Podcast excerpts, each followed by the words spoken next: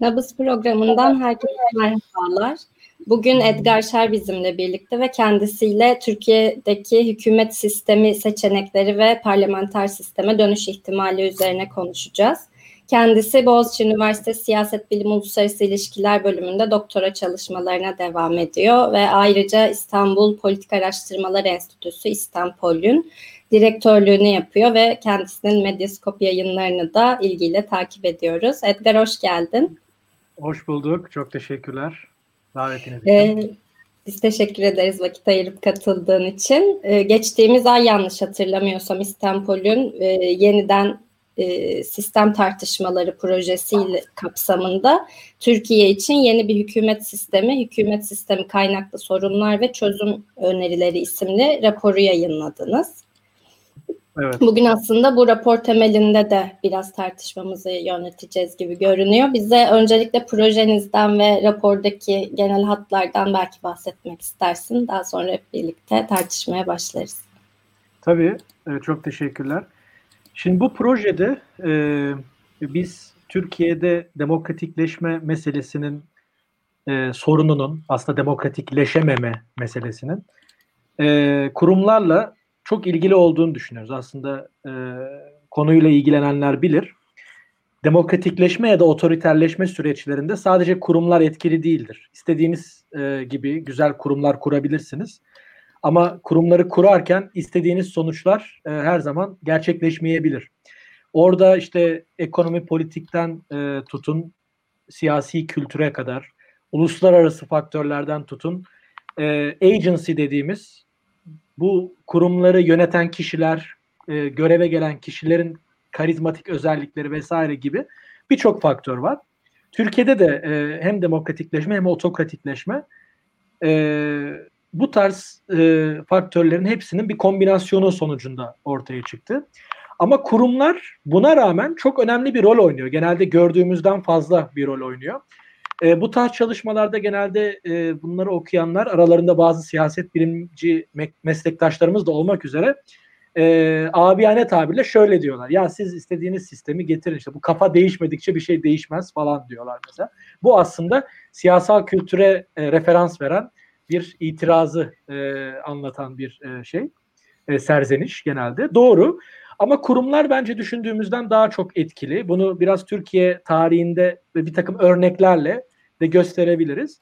E, kaldı ki e, şey mesela 2017'de başkanlık sistemine geçmemiz tesadüf değil. Yani AK Parti bugün gerçekten çok daha sultanistik bir rejime geçebildiyse, rejimin neopatrimonyal özellikleri 2017'den önce de vardı ama çok daha sağlam bir şekilde 2017'den sonra kuruldu. E, bu başkanlık sistemi sayesinde oldu. Bu bile aslında e, kurumların ne kadar önemli olduğunu gösteriyor. Ya biz de bu düşünceyle, kurumsalcı bir bakış açısıyla e, aslında kurumların e, dönüştürücü bir etkisinde olabileceğini düşünüyoruz. İyi tasarlanırsa kurumlar, bugüne kadarki kurumlarımız da kötü tasarlandığı için her defasında biraz bunlardan bahsederiz bugün. Sonuçları da kötü oldu. En azından sonuçların kötü olmasında kurumların kötü tasarlanmasının bir etkisi oldu. E, o zaman iyi bir e, kurum tasarlaması yaparsak iyi bir sonuç alma ihtimalimiz de artar ve diğer faktörleri de diyelim ki e, ekonomi politik faktörleri, kaynakların nasıl dağıtıldığı faktörlerini, e, işte siyasi e, kültür meselesini e, biraz çeşit e, nasıl söyleyeyim şekillendirebilecek, dönüştürebilecek bir kurumsal tasarım ile demokratikleşmeye dönüş daha e, ihtimal dahilinde olabilir diye düşünerek hazır muhalefet partileri de böyle bir e, güçlendirilmiş parlamenter sistem tırnak içinde e, mütabakatına varmışken bunun altı ve kamuoyunda çok dolmuyorken biz e, bunu dolduralım dedik. İşte siyaset bilimci ve anayasa hukukçularını bir araya getiren bir ekip oluşturduk kendi İstanbul içinde. E, işte Profesör Doktor Şule Özsoy Boyunsuz Anayasa Hukuku alanında, e, Doktor Berkesen de siyaset bilimi alanında ben ve arkadaşım Uğur Tabağa katıldı. İki siyaset bilimci, iki anayasa hukukçusu. Metin üzerinde e, tartışmalar yaptık. Onlar asıl yazarlar onlar. Onların kredisini e, asla e, şey yapamayız. E, ama öneriler konusunda da böyle daha kolektif bir e, süreç işlettik. Daha sonra bunu tartıştırdık. E, yine siyaset bilimci ve anayasa hukukçuların olduğu daha geniş bir kapalı toplantıda. Ve son halini vererek yayınladık raporu. Yani gerçekten çok detaylı ve somut önerilerle pekiştirilmiş bir rapor. Öncelikle emeğinize sağlık diyeyim ben de. Çok teşekkür ederim. Ee, zaten raporda da ilk önce Türkiye'nin bütün siyasi tarihi boyunca yani tabii çok detaylarıyla birlikte olması da ana kırılımları da vererek bugüne kadarki kurumsal eksiklikler neydi? Demokrasinin kesintiye uğramaları ve peşi sıra yeniden dizaynlarıyla birlikte Türkiye neler tecrübe etti diyerek günümüze yaklaşıyorsunuz ve ondan sonra da olası bir e, parlamenter sistem için e, çok detaylı öneriler veriyorsunuz. Yani yasama, yürütme, yargı arasında nasıl kurumlar birbiriyle dengede oturtulmalı olası bu gelecek sistemde. E, ya da mesela şeye değinmişsiniz, e, benim de açıkçası özel olarak ilgilendiğim konulardan biri kadınlar için kota sistemi, kadınların da temsile eşit şekilde katılabilmesini pekiştiren bir sistem. Ama tabii bu seçim sistemiyle paralel gidiyor. Ee, onun ne kadar başarılı olup olmayacağı. Sizin de seçim sistemi ya da siyasi partiler yasalarının dizaynı hakkında epey bir emeğiniz, görüş bildirdiğiniz önemli noktalar olmuş. Evet, e, yani e, gerçekten seçim sistemi ve siyasi partiler çok kısa söyleyeyim, e, yasası düşünülmeden e, hükümet sisteminin belirleyici yönünü tayin etmek mümkün değil. Hatta e, siyaset bilimciler genelde bir ülkenin parti sisteminin hükümet sistemi kadar e, rejimi belirlediğini söyler. Zaten parlamenter sistem tercihi falan da e, ondan kaynaklanıyor. Yani Türkiye'de iki partiye Türkiye'yi indiremiyorsunuz hiçbir zaman. Yani e, toplumsal kırılmalar buna müsaade etmiyor. Etmesin de zaten. Bizim bu çalışmamız son cümle olarak söyleyeyim. Aslında Türkiye'nin vücut ölçülerini alıp ona uygun bir elbise nasıl olabilir gerçekten sıkıştırmadan, dizayn etmeye çalışmadan, tepeden empoze etmeye çalışmadan, işte senin e, vücudunun şu bölgesi çok şişman, burayı biraz zayıfla falan demeden bir e, vücut ölçüsü almaya benzer. Bu e, şeyi de e, benzetmeyi kullanmamın sebebi de işte 61 Anayasası için evren çok bol geliyor demişti. E, öyle bir daralttılar ki 2017'de daha da daraldı. Artık çok dar geliyor. E, Biraz o bakımdan kullandım. bir rejim değişikliği oluyor herhalde. Aynen rejim bir yeni bir rejim öneriyoruz aslında yani. Gerçekten. Peki şöyle bir soru sorayım ben. Şimdi normalde mesela Türkiye'de e, koalisyonlar hep krizli anılır ya. E, yani başkanlık sistemi ve ittifak sistemiyle birlikte aslında e, seçim öncesinde zaten koalisyonların hali hazırda oluştuğu e, seçmenin bunu oyna, on, onayladı yani oyladığını görüyoruz bir şekilde.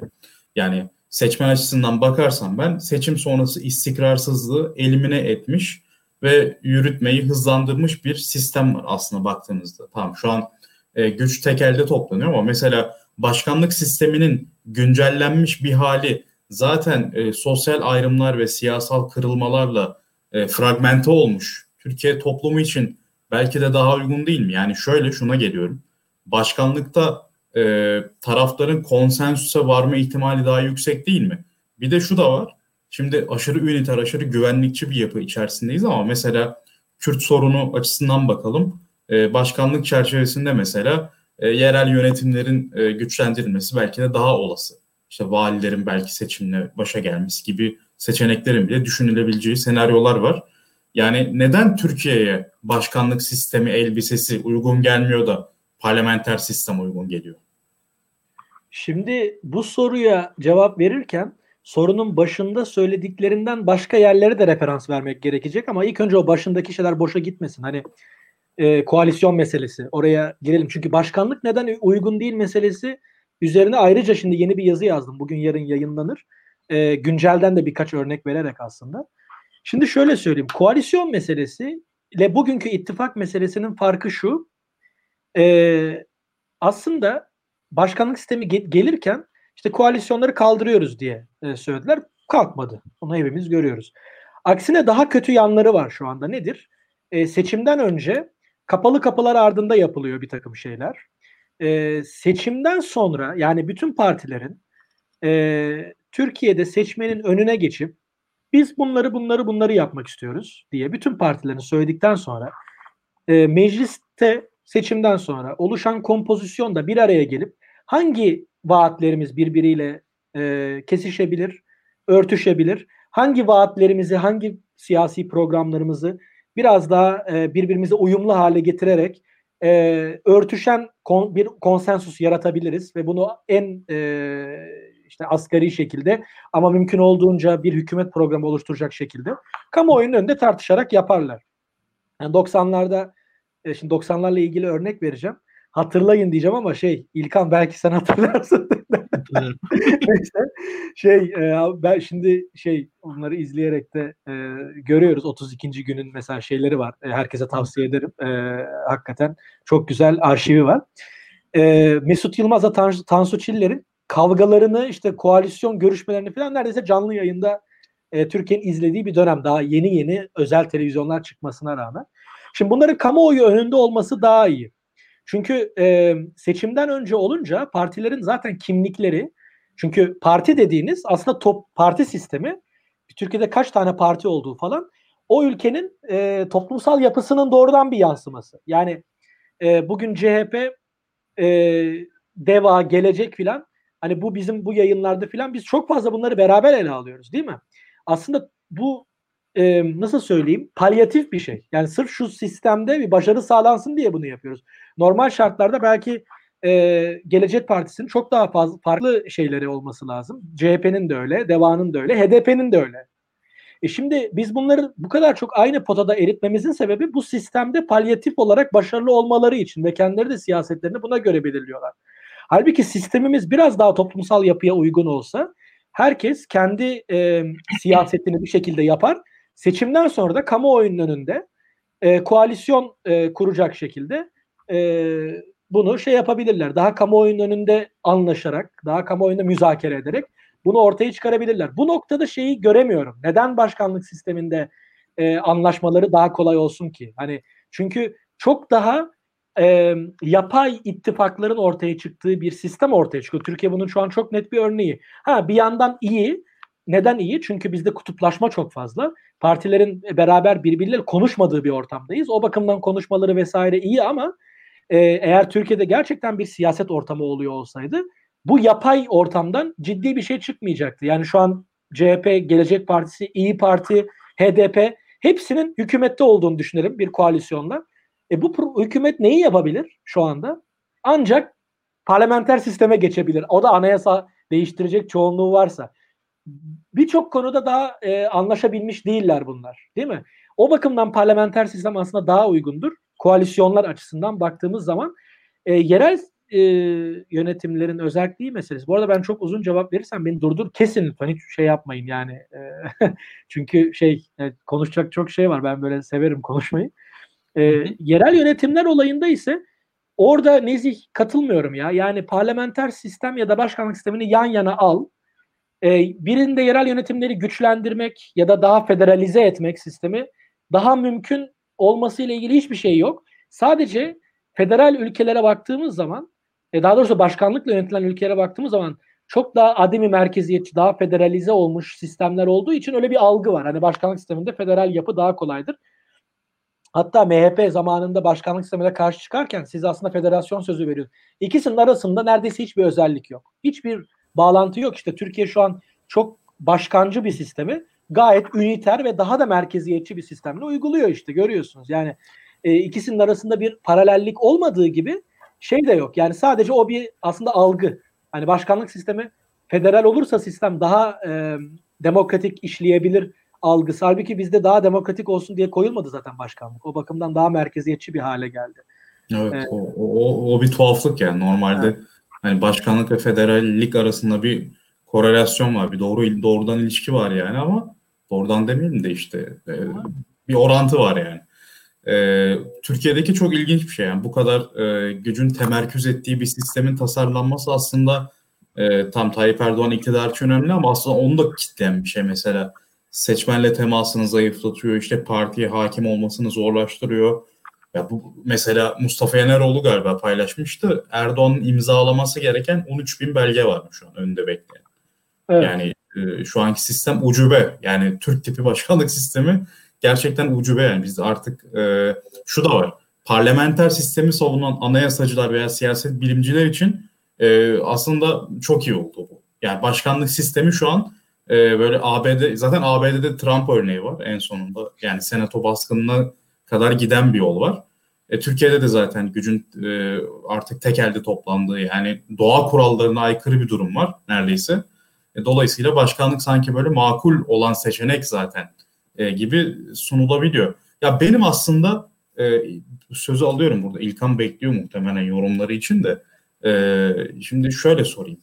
Normalde mesela Almanya örneğini verelim. Almanya'da merkez sağ ve merkez sol yani işte sosyal demokratlarla Hristiyan demokratlar koalisyon yapabiliyor.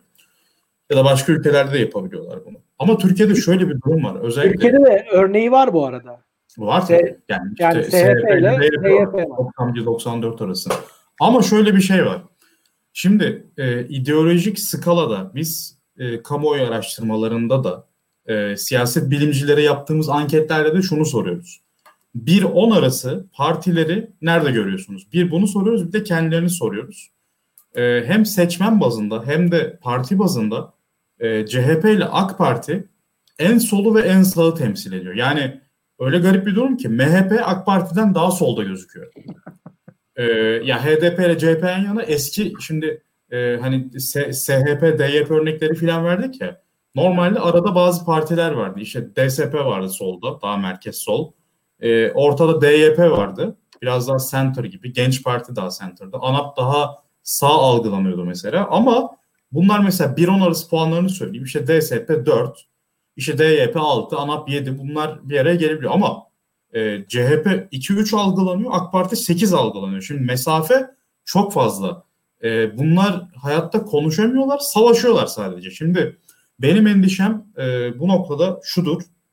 AK Parti gibi yani Trump örneğine de atıfla düşünün. Mesela Trump çok sağda bir aktör. Yani Trump Cumhuriyetçi Parti'nin de sağında bir aktör. Mesela e, AK Parti'yi düşünün %50'yi alabilmiş bir parti şu an aslında merkez sağın çok daha sağında. Erdoğan da öyle. Yani böyle bir aktör muhalefete düşse bile yani Erdoğan şu an mesela diyelim ki yarın seçim oldu seçim kaybetti veya 3 sene sonra Erdoğan 24 milyon oy alacak en kötü. Hadi 22 alsın benden indirim. Yani 22 milyon oy almış bir siyasetçi e, ya şartlara göre tabii değişir de muhtemelen muhalefette kalıp bir sonraki seçim için şansını deneyecek. Erdoğan denemesi Soylu deneyecek ya da başka biri deneyecek bilmiyorum. E, ya hala bu yapı e, daha da belki sağcı olmaya devam edecek mesela. Şimdi bu yapı sürerken yüzde 40 oy potansiyeli olan minimum AK Parti artı MHP'den bahsediyorum. Bu partilerle koalisyon yapması çok zor ve şöyle de bir durum var. Demokrasinin sağlığı için konuşuyorum. Yani e, böyle bir aktör varken masada bu aktörün e, koalisyonlarla tekrar başa gelecek şekilde bir yol açılması Türkiye demokrasisi için bir sakınca değil mi? Yani en ideal koşullarda konuşayım ben. Ben olsam yani Türkiye'deki sistemi tepeden belirleyen bir Master of Puppets gibi düşün. Bu aralar Metallica favori ya. Ee, yani şöyle dizayn ederdim Türkiye demokrasisi için. Bir şekilde Erdoğan'ın güçten düşeceği bir zamanda parlamentere geçerim. Ya da Soylu'nun da keza. Yani Erdoğan ve Soylu gibi Türkiye'de e, çoğunlukçu, azınlık karşıtı e, CHP'yi bile yani CHP kurucu parti CHP'yi terörist ilan ediyor. Mesela çok komik bir durum. Ya bunları terörist ilan edebilen e, bir aktör sistem içindeyken ve bu aktör Manisa'dan Kars'a kadar haritayı sapsarı yapabiliyorken parlamentere geçmek beni korkutuyor. Ben anlıyorum. Tamam parlamenter sistem ideal koşullarda Türkiye seçmeni Türkiye siyasetine gerçekten uyabilir. Bu seçmen kırılmalarını, sosyolojik ayrışmaları e, üstüne çıkabilecek. İşte Almanya'daki filan konuştuğumuz merkez solla merkez sağın e, beraber ülkeyi yönetebileceği bir model sunuyor bize. Bu çok e, istenilen bir şey. Evet ama gerçekliği, Türkiye'nin gerçekliği de maalesef e, böyle yani. Şimdi e, bu soruyu mutlaka sen de kendine sormuşsundur. Sana zaten önceden de gelmiştir. E, bu soruyu İlkan da soruyor bence tahminim. Duygu soruyor mu bilmiyorum. Biz İlkan'la aramızda konuştuğumuz bir soru Ee, sen ne düşünüyorsun? Yani sistemde ben açık isim vererek söyledim artık. Hani e, biraz şey ellerimizi kirlettik şu an böyle e, prensiplerden konuşup şeye çıktık yani. yani güncel siyasette kirlendik biraz. Böyle bir risk varken parlamenter sistem ne kadar uygun?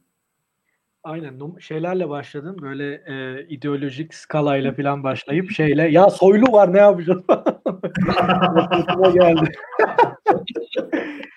şimdi e, şimdi anlıyorum bu endişeyi. E, cevap vereyim. Çünkü şey zaten bu sorulara cevap vermeden bu çalışmalara girmedik aslında öyle söyleyeyim yani. E, bu arada İlkan düştü herhalde şey. E, ben dedi bu kadar ideal, yani tamam çok akademik başladı ama kötü bitirdi soruyu deyip. Neyse. Şimdi e, ilk başta şeyden bahsettin aslında. Kutuplaşmanın tanımını yaptın. Yani şu an e, ne bileyim 90'lara göre çok daha büyük bir kutuplaşma var. E, diyorsun değil mi? Şimdi burada kutuplaşmayı ben yani senin sorun kutuplaşmayı verili alıyor. Yani kutuplaşma var. O zaman Tabii. nasıl? Ben de diyorum ki kutuplaşma aslında burada verili alınacak bir sebep değil aslında sonuç. Yani bu noktaya nasıl geldik? Zaten başkanlık sisteminin tamam kutuplaşma başkanlık sisteminden önce de vardı.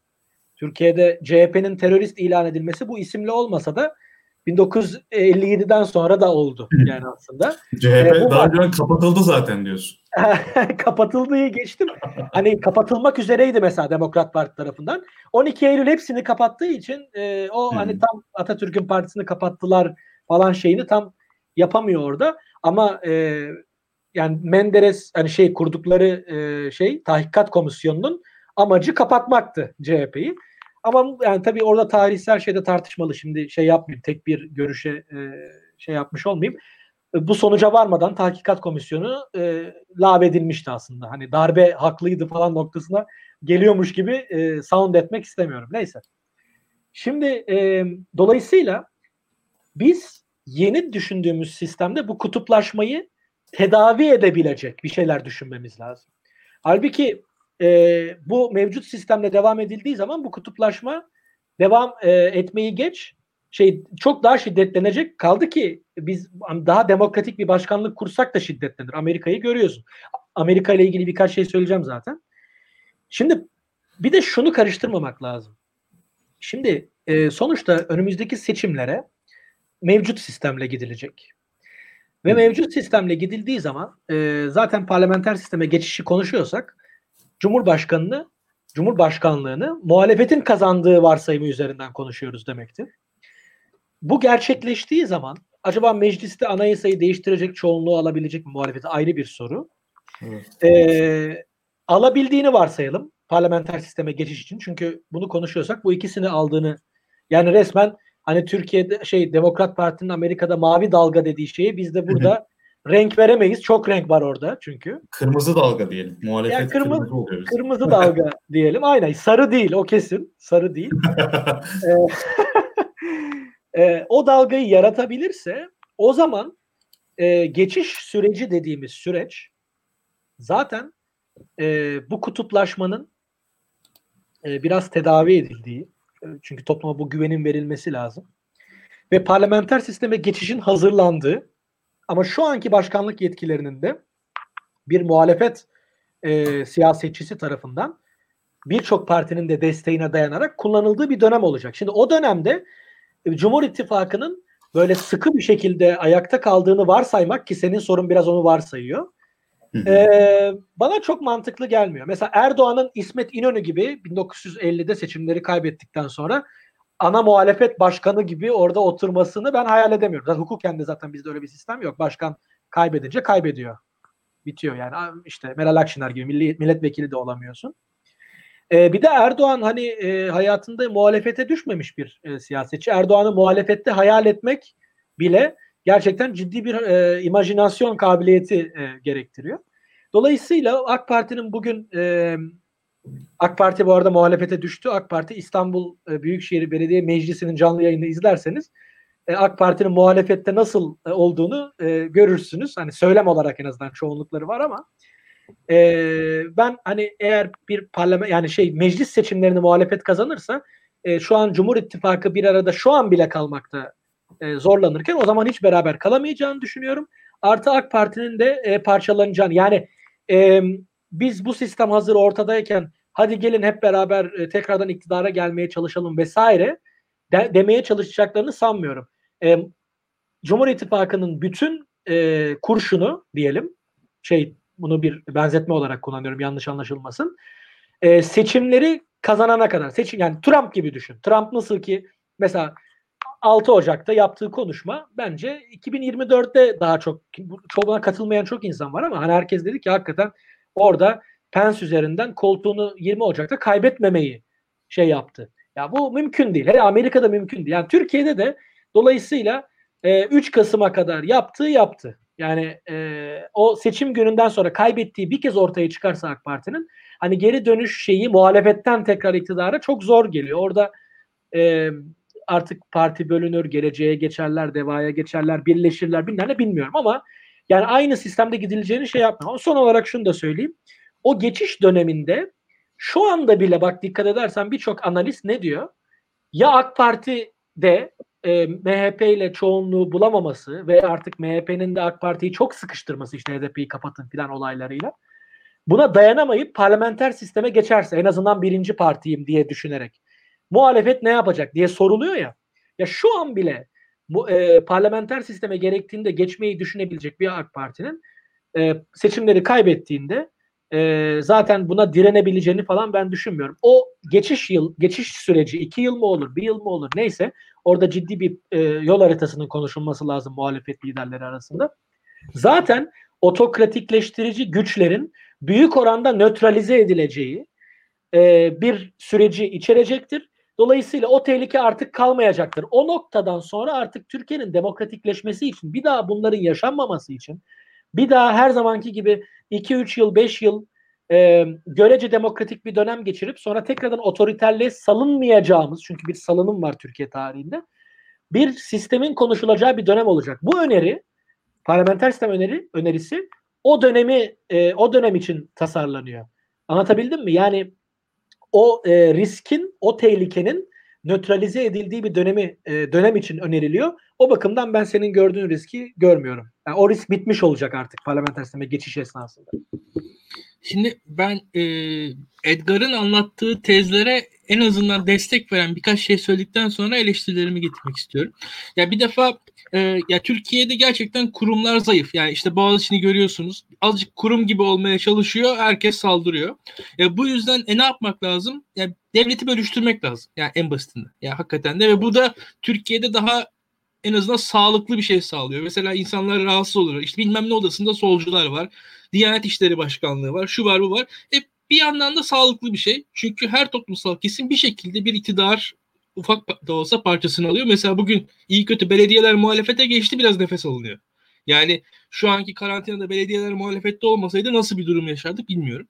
Ee, bu açıdan hakikaten iktidarın bölünmesi olumlu bir şey. Yani hem e, şimdi şaka maka 18 yıllık AK Parti iktidarından bahsediyoruz. Muhalefette devlet tecrübesi olan insan kalmadı.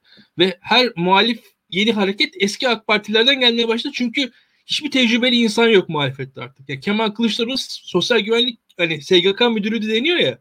Ya e, son büyük bürokrat Kemal Kılıçdaroğlu zaten muhalefetin adı. Yani muhalefette olan zaten ondan sonra üst düzey bürokrat bir muhalif figür yok ülkede. Bu, bu açılardan falan önemli. Yani hakikaten iktidarın bölünmesi Türkiye gibi ıı, özel alanların olmadığı yani birilerinin birisinin özerk olarak bir şekilde bir yükselemediği bir ülkede çok önemli. Yani devletin bir şekilde paylaştırılması lazım e, toplumsal sosyal kademelere bence. Ve bu e, toplumu daha sağlıklı hale getirir. Ona, ona ben de inanıyorum. Yani bunu bunu görmek zor değil. Bunu hakikaten yani en azından e, hani bir toplumsal kesimi ezmeden yani ülkede devletin bir yerinde Kürtler olsun. Bir yerinde hakikaten Türkiye'de ülkücüler var. Bunlar da devlette bir şekilde te- temsil olabilsinler üniversitede hoca olabilsinler, dindarlar da gelsin işte akademisyen olsun, işte e, ne diyelim e, elçi olsun, memur olsun, şu olsun, bu olsun. Veyahut Aleviler işte şu an hiçbir yerde değiller, hiçbir kurumda yoklar. E, bunlar sağlıklı şeyler değil, bunların düzelmesi gerekiyor. Bunlar için gerçekten de başkanlık sistemindense bir parlamenter sistem bir yol açar. Gerçekten açar.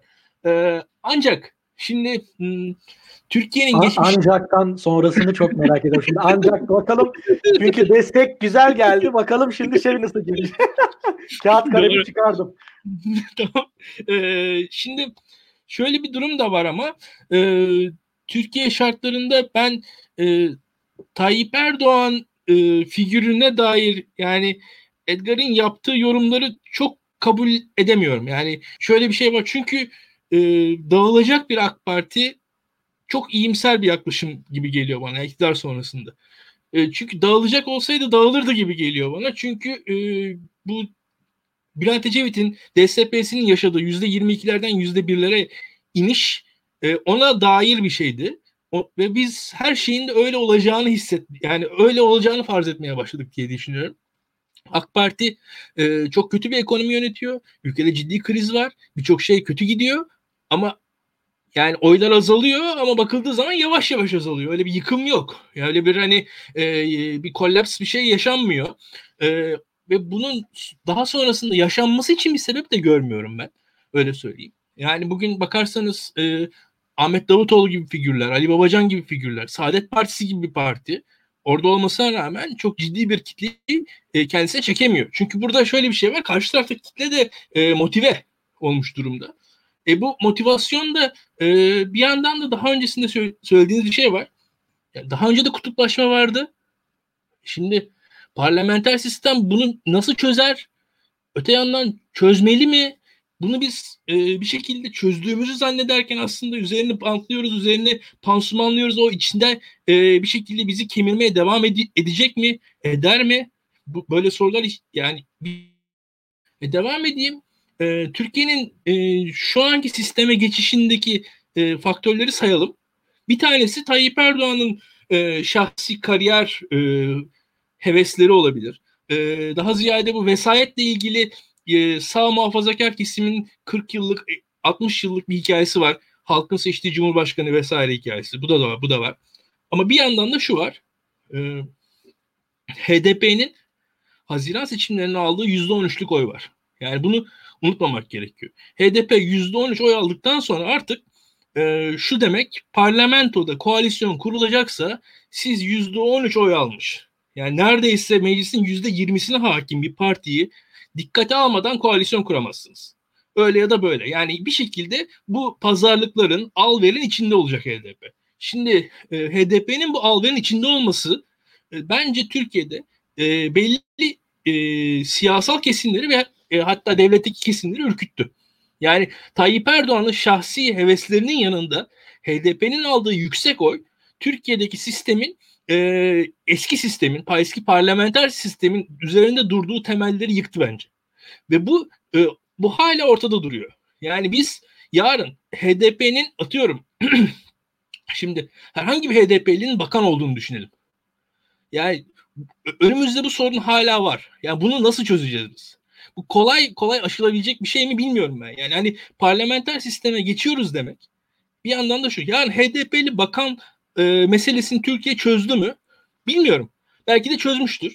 Belki ben Davut, abartıyorum. Davutoğlu'nun son kabinesinde vardı iki tane hatırlarsın. Doğru hatırlarım.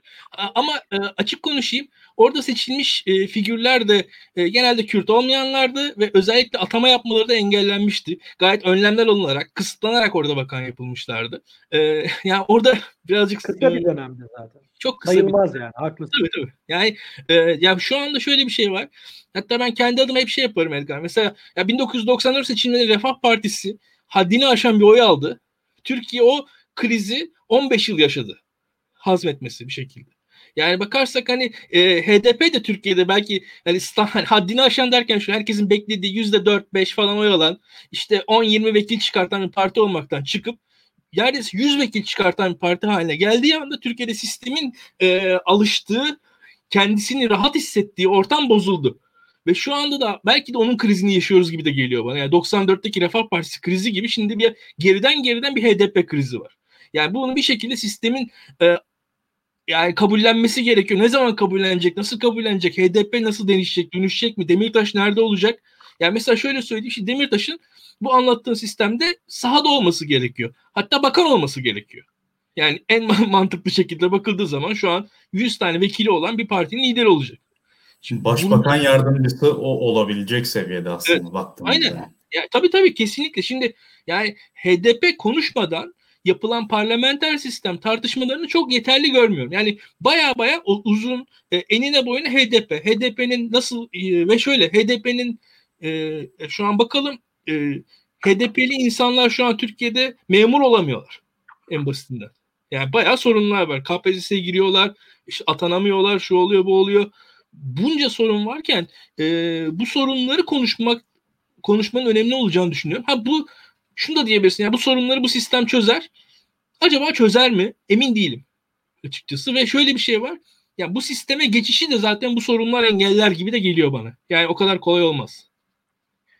Şimdi bu sisteme geçişi e, kolay olmayacağı kesin. Ama biz bir bakıma hani mümkün olursa nasıl ol, yani mümkün olursa nasıl olur da bu sisteme geçiş mümkün olur ayrı bir soru. Hani onu hep tartıştığımız bizim işte muhalefet nasıl ittifak yapsın, strateji falan bilmiyorum. Bugün onlara sıra gelirse e, onları da tartışırız. Ama şu an hani şeyi tartışıyoruz. Mümkün oldu.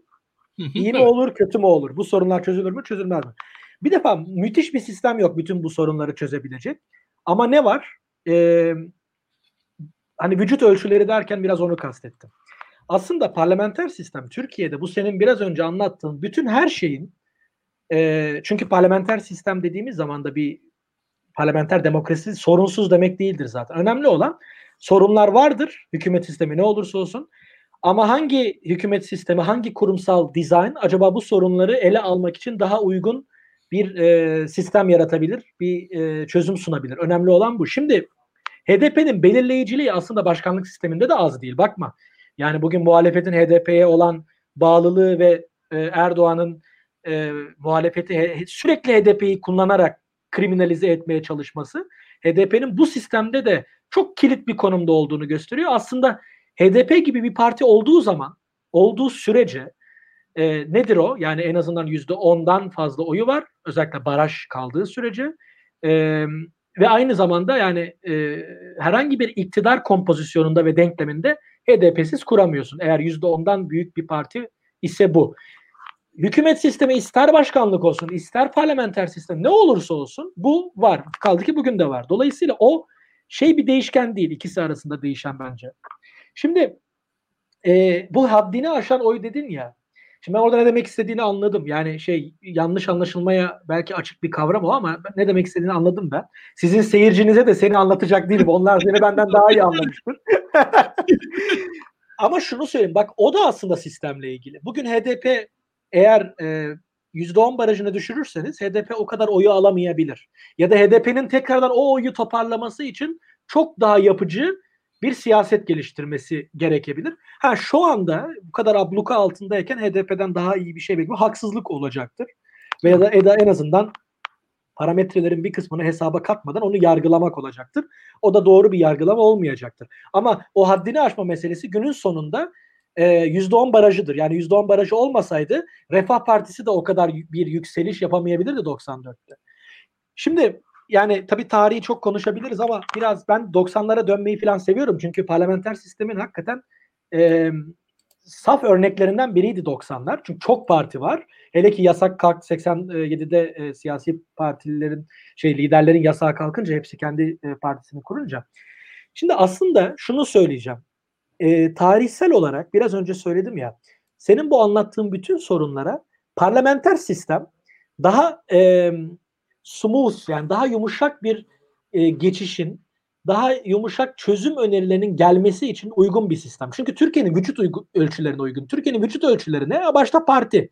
Yani e, bir ülkede çok parti sistemi varsa, çok partili sistem demiyorum.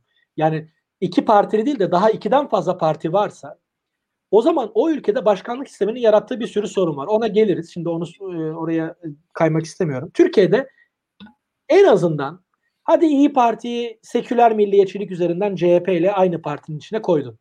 MHP'yi de artık bunlar çok benzedi AK Parti ile bir araya koydun ki aslında İslamcılarla e, ülkücüler arasındaki tarihten gelen e, bir şey var, e, sürtüşme var ki bugün de etkilerini görüyoruz. Gerçekten Cumhur İttifakı içinde işte Erdoğan'ın e, Oğuzhan Asil Türk ziyaretinde falan filan. Neyse o konuya da dalmayacağım.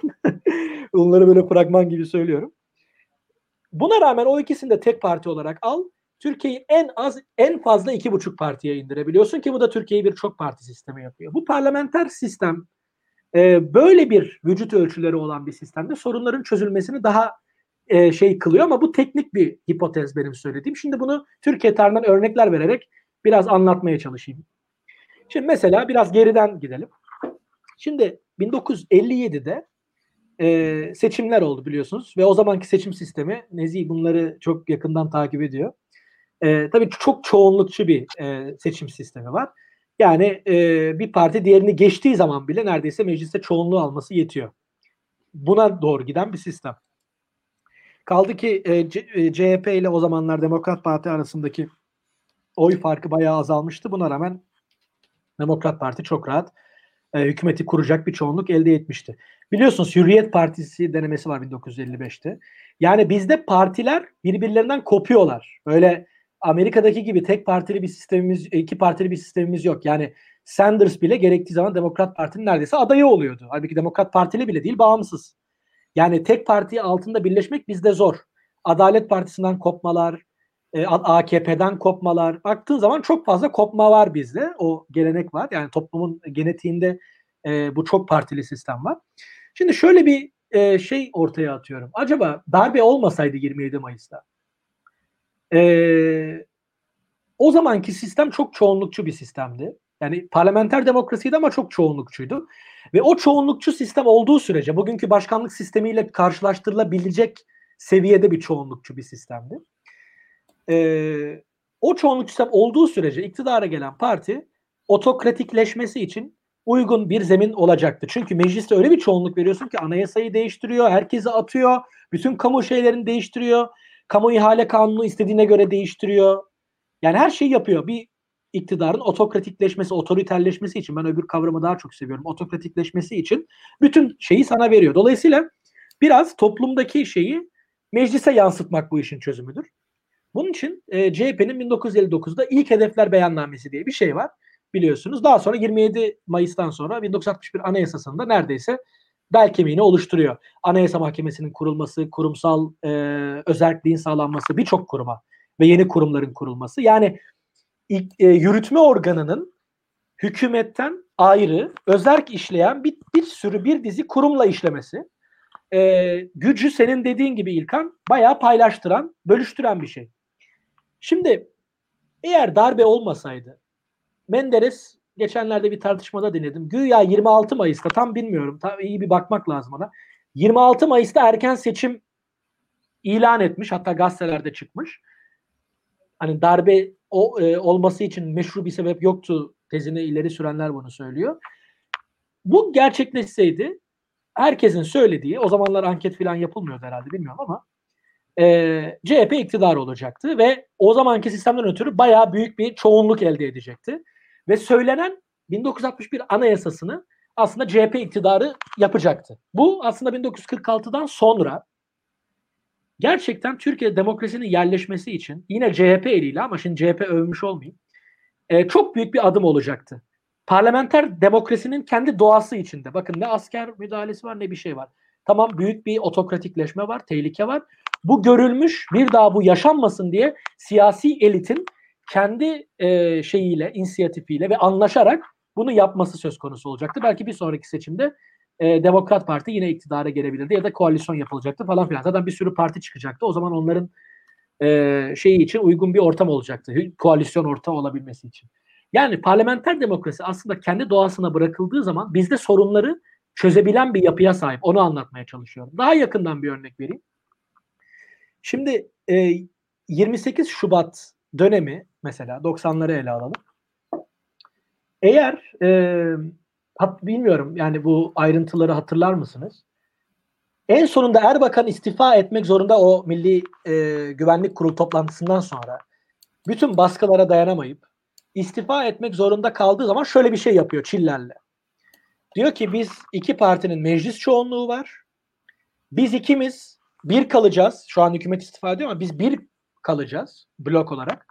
Eğer biz bir kalıyorsak blok olarak bizim haricimizde bir hükümet kurulamaması lazım. Çünkü çoğunluk onlarda.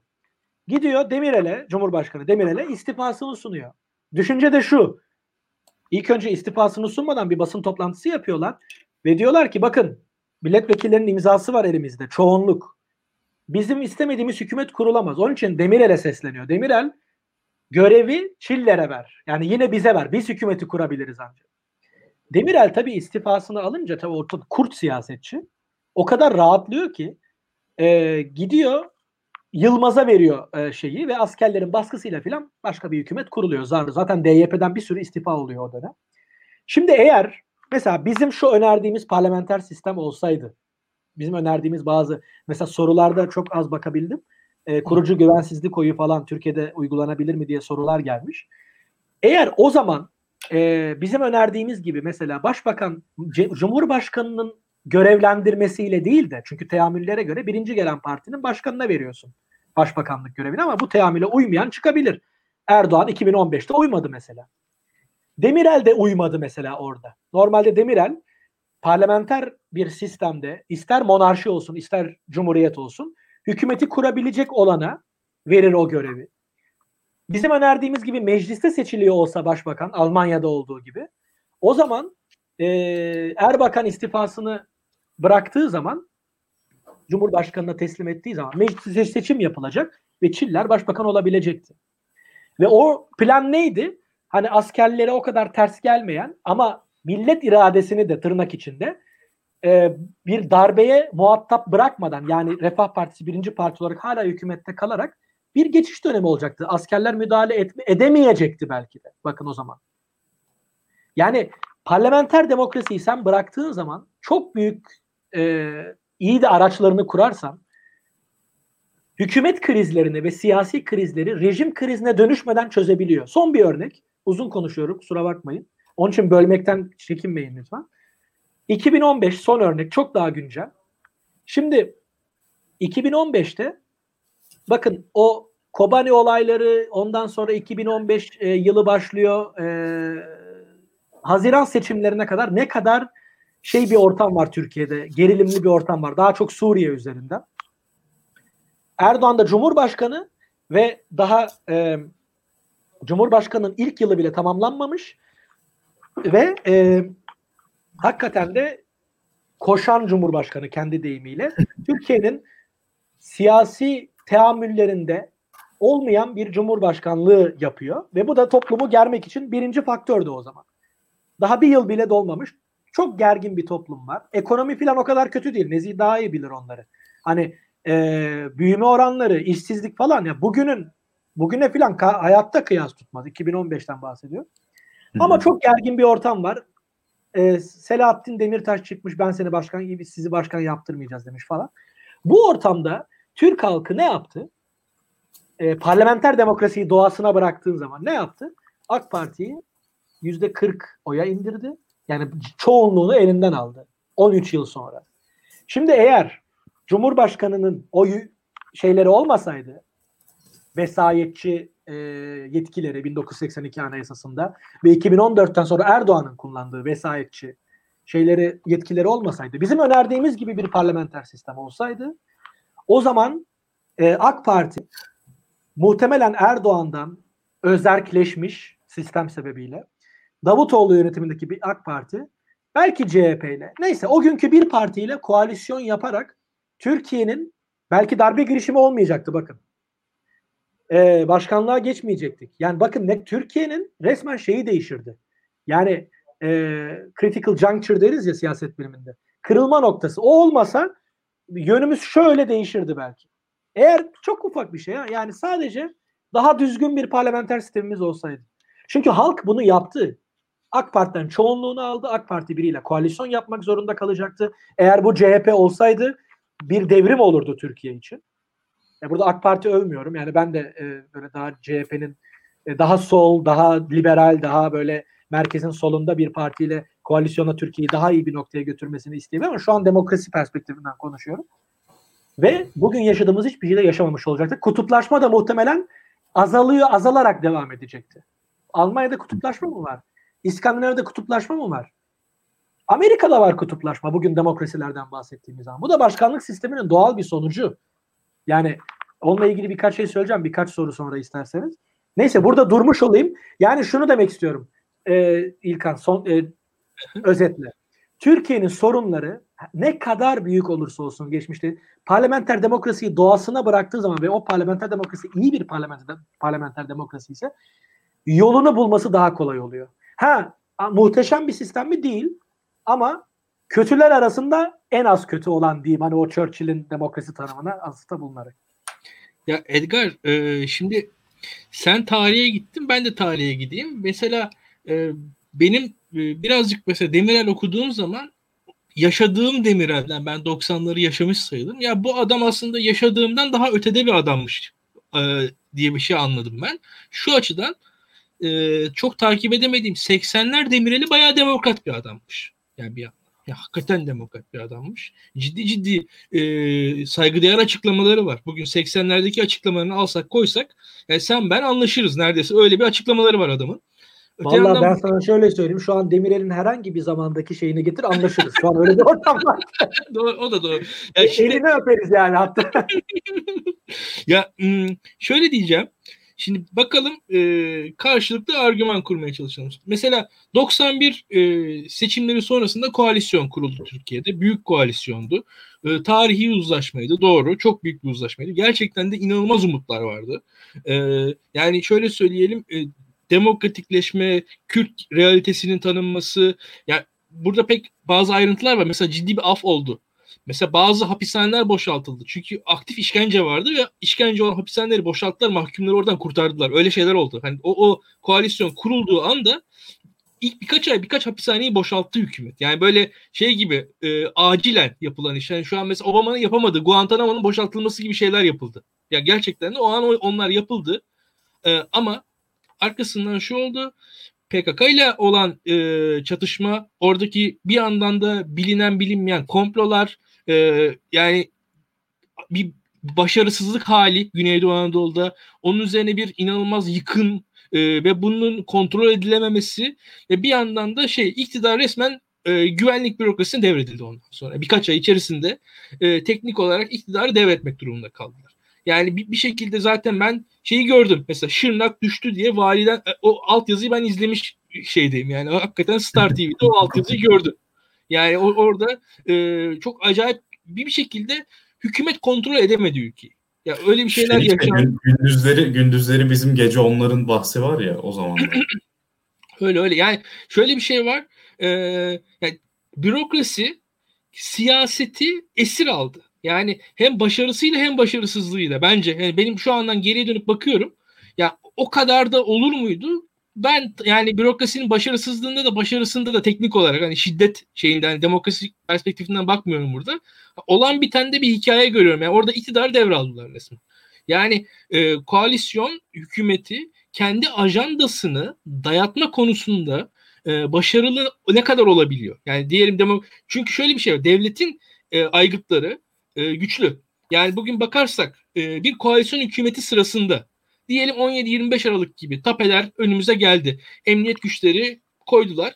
Ya bir koalisyon hükümeti ne kadar dayanabilir? Veyahut da oradaki bir emniyet içerisindeki bir grup bir araya geldi. Dediler ki hükümetin bir yapısına karşı dinlediler. İşte şu işte eşini aldatıyor. Bunun çocuğunun Amerika'da bilmem nesi var. Şu işte e, intihal yapmış. 20 tane dosya bir parti koalisyondaki bir parti hakkında çıktı. Ya bugün emniyet hazırlayabilir bunu gayet rahat bir şekilde. Ya ona karşı mesela yani AK Parti dayanabiliyor.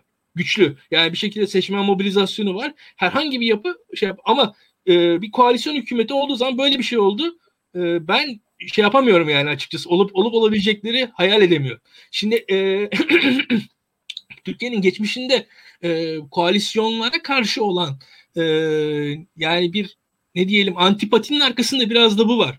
Bir yerden sonra hatta bir e, 91-94 arasında e, bir yerden sonra şöyle söyleyeyim ben e, Türkiye'de mesela en çok otoyol o zaman yapıldı Edgar. Ya çünkü şeyden e, SHP artık sırf otoyol yapıyordu para oradan geliyordu. Bayındır Türkiye'nin en çok otoyol yapmış iktidarlarından birisidir o SHP. Çünkü siyasi olanı tamamen bırakmıştı artık. Yani çünkü Güneydoğu Anadolu'da olanlar bitenler orada sırf para işi dönüyordu. Yolsuzluk şusu busu artık o, o noktaya gitmişti olay.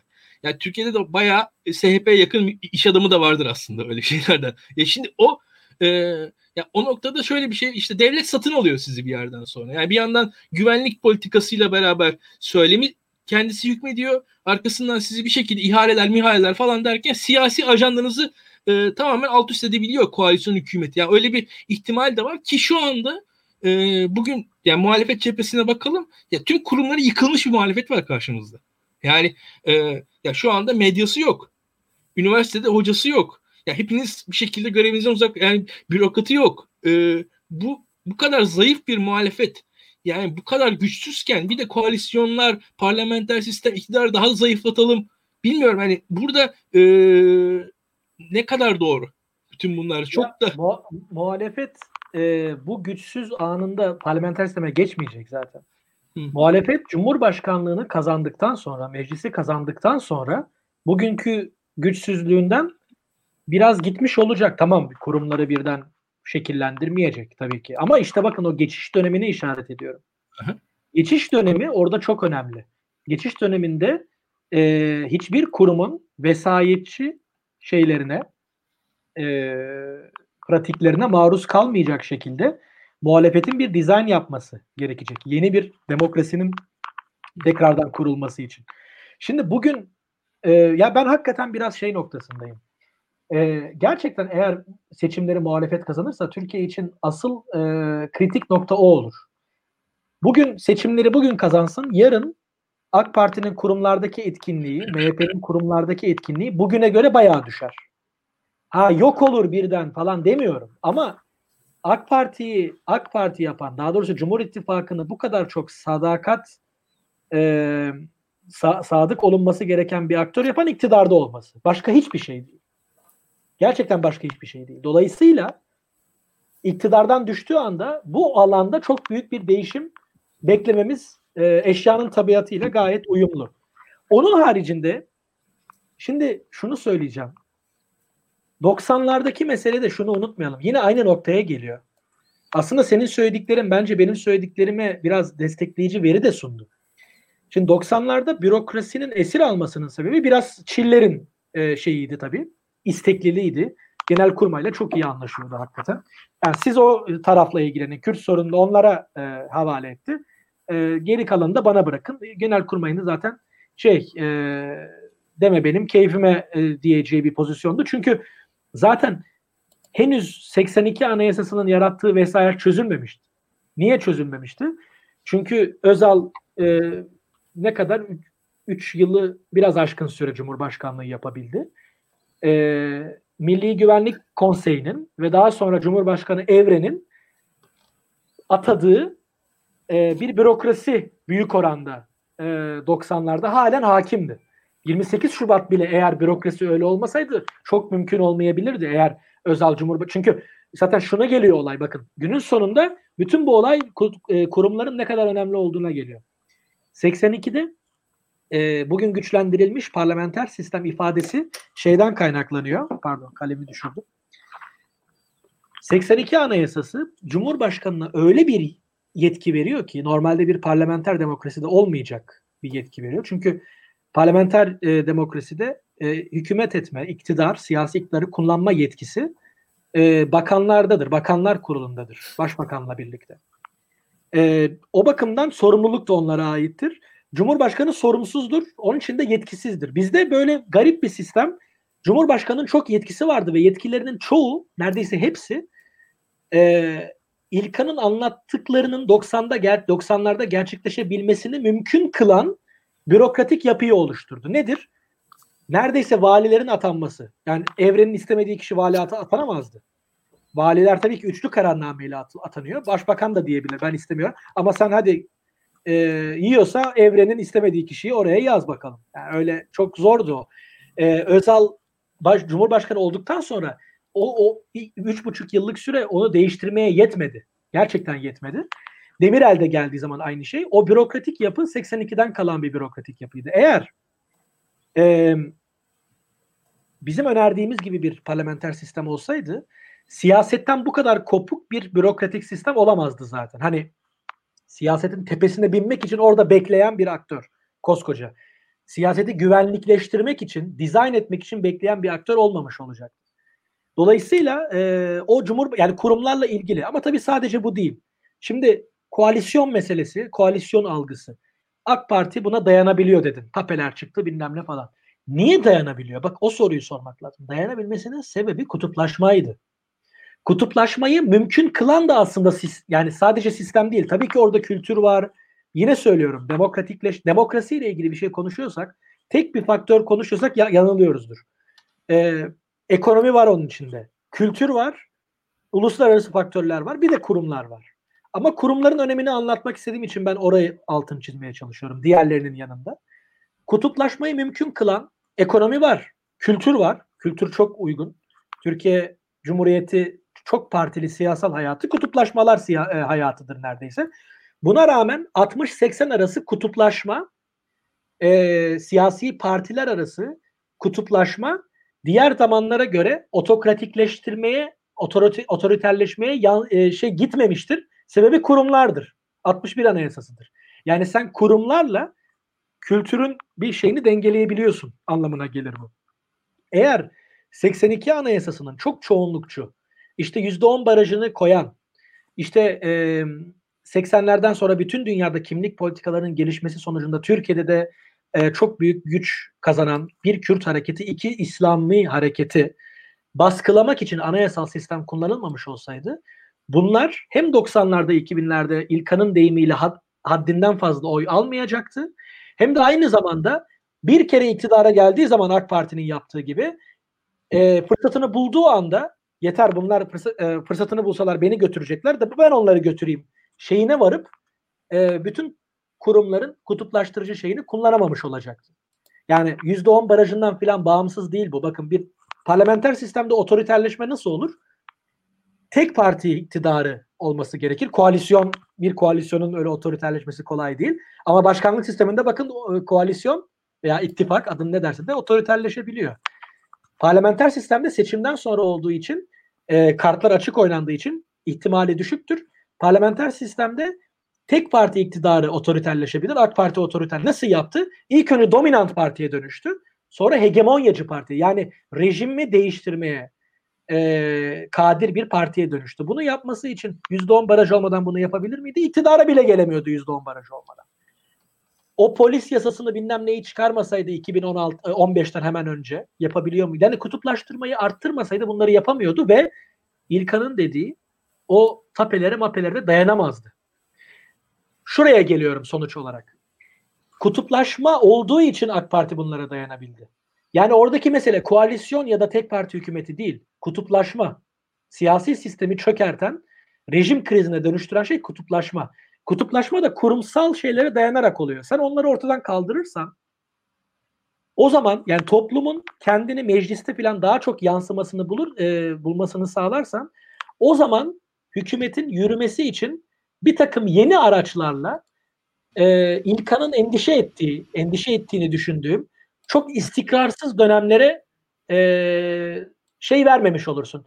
İzin verirseniz şeye geleyim kısaca. Çünkü galiba Mustafa Özgen sordu.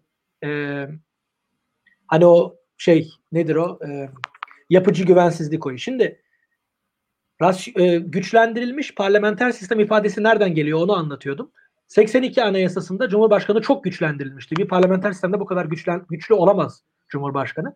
Onun için Ergun Özbudu'nun e, ilgili makalesinde 82'nin e, parlamenter sistemine zayıflatılmış parlamenter sistem dediğini biliyoruz kavramsal olarak. Literatüre böyle bir kavram e, şey yaptı. Bugünkü partiler de diyor ki işte biz onu değil güçlendirilmiş parlamenter sistemi koyacağız. Yani me- meclisi ve hükümeti güçlendireceğiz. Cumhurbaşkanı gibi dışarıdan bir vesayet organı e, kurumunun sistemi dizayn etmesine izin vermeyeceğiz. Şimdi e, bu sistemde İlkan'ın endişe ettiği e, şeylerin istikrarsızlıkların olmaması için sistemi rasyonelleştirebilirsiniz. Ona da rasyonelleştirilmiş parlamenter sistem deniyor. Bizim önerdiğimiz hem güçlendirilmiş hem rasyonelleştirilmiş. O da Almanya'da ve İspanya'da uygula, uygulamasını bildiğimiz bu kurucu güvensizlik koyu. Yani tapesi de olsa ne olursa olsun bakın meclis bir bakanı düşürebilir. Hükümetin kurulmasını kolaylaştırıp düşürülmesini zorlaştırırsan nasıl yapıyorsun bunu? Hükümetin kurulmasını şöyle kolaylaştırabilirsin. Eğer 5-6 parti girdiyse meclise iki tanesi bile birlikte bir çoğunluk elde edemiyorsa, 3 parti falan olması gerekiyorsa hükümetin kurması çok zor. Bir parti e, mecliste o gün oturuma katılmayarak bile azınlık hükümeti kurulmasına rıza verebilir. Çünkü önerdiğimiz şey şu. Hükümeti o gün oturumda bulunanların yarısı hükümeti e, başbakanı seçebilir. Ama hükümeti düşürmek için toplam üye sayısının e, salt çoğunluğu gerekiyor. Ve hükümeti düşürmek için mesela diyelim bir tane tape çıktı, bir şey çıktı. Bir tane bakanı düşürmek istiyor muhalefet. Düşürebilir.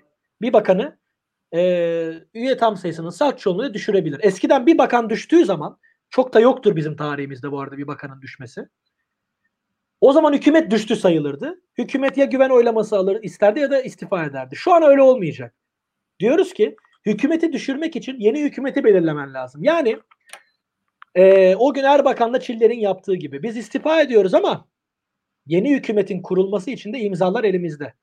Bunu yaparsan başka hiçbir kuruma e, söz bırakmadan hükümeti kurmuş olursun ve e, bir takım istikrarsızlıklar için bir takım odakların hani Türkiye'de bu komplo teorileriyle çok söylenir. Hükümeti düşürmeyi bir kere başardığı anda ancak kurabildiği e, ölçüde hükümeti düşürme imkanı verirsin. Başbakan bütün bakanları düşse de e, hükümetin başında kalabilir. Ancak yeni bir başbakan seçilene kadar. O da istikrarsızlığı hükümetsiz dönemlerin ortadan kaldıracaktır zaten. Bir de bunu tersten okumak da mümkün değil. Mesela İlkan'ın bu endişe bahsettiği endişeler hani parlamenter sistemde sadece görülmesi aslında mümkün olan şeyler değil. Başkanlık sisteminde de bir iktidar hani Kesinlikle. bu şeylerle karşılaşabilir ve eğer yani yatay denetim mekanizması, hesap verebilirlik gibi e, bunları destekleyen, teşvik eden kurumlar olsa bu yine başkanlık sistemindeki bir iktidarı da aslında sarsabilir. Yani başkanlık sisteminin dizaynı bence daha hassas, daha kırılgan çünkü gücün tek elde toplanması işte bahsettiği gibi Edgar'ın da çok büyük bir tehlike. Ama onu bir kere dizayn ettiğimizde de eğer o kurumlar sağlam ve demokratik hesap verebilirliği, şeffaflığı temel alarak dizayn edilmişse işte mesela Trump'ın aslında başarısızlığı ve demokrasiye dair kurumların Amerika'daki başarısına döndü.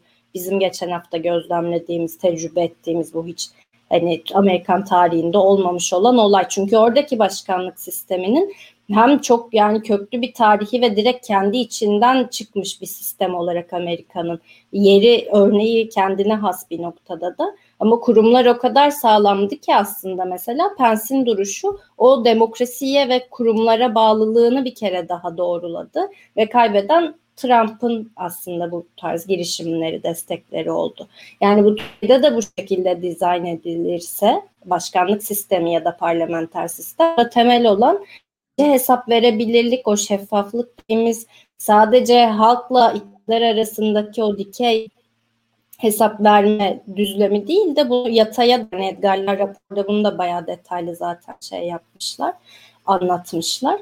Ve bu tarz önerilerle herhangi bir sistemde karşılaşabileceğimiz ihtimallere karşı önlemler de alabiliyor diye düşünüyorum. Yani burada başkanlık ya da parlamentten çok bence kurumların nasıl dizayn edildiğiyle alakalı bir noktaya gidiyor benim gözümde.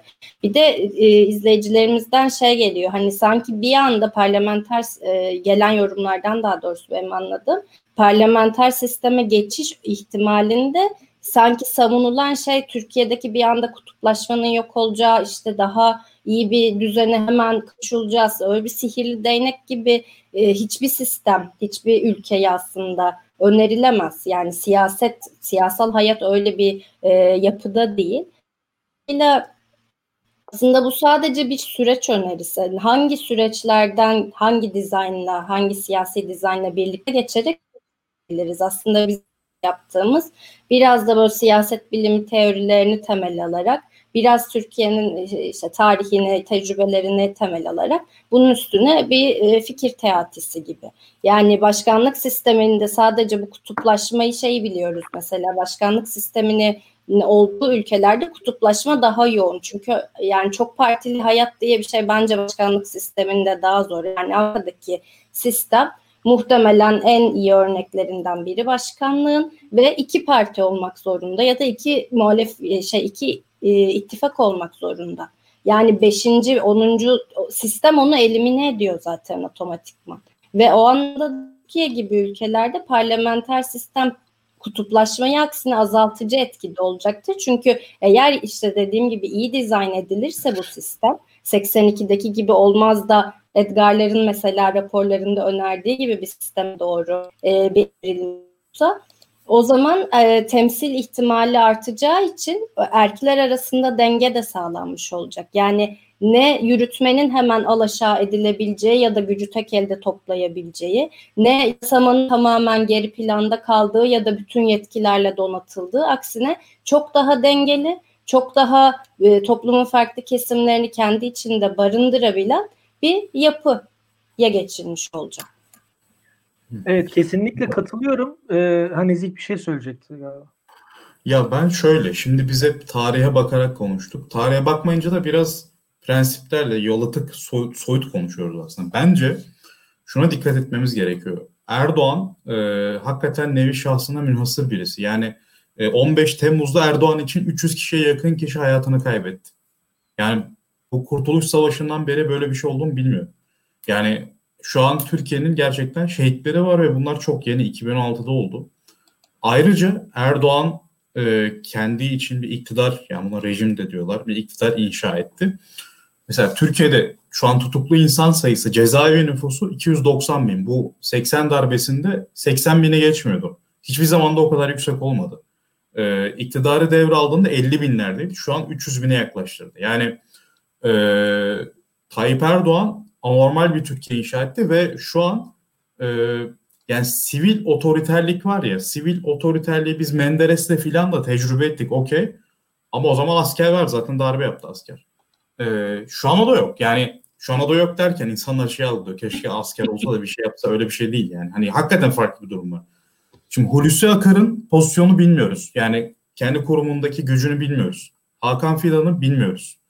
Şimdi ben şöyle bakıyorum olaya. E, soyut prensipler veya tarihsel örneklerle bakmıyorum. Benim karşımda mücadele edilmesi gereken bir iktidar var.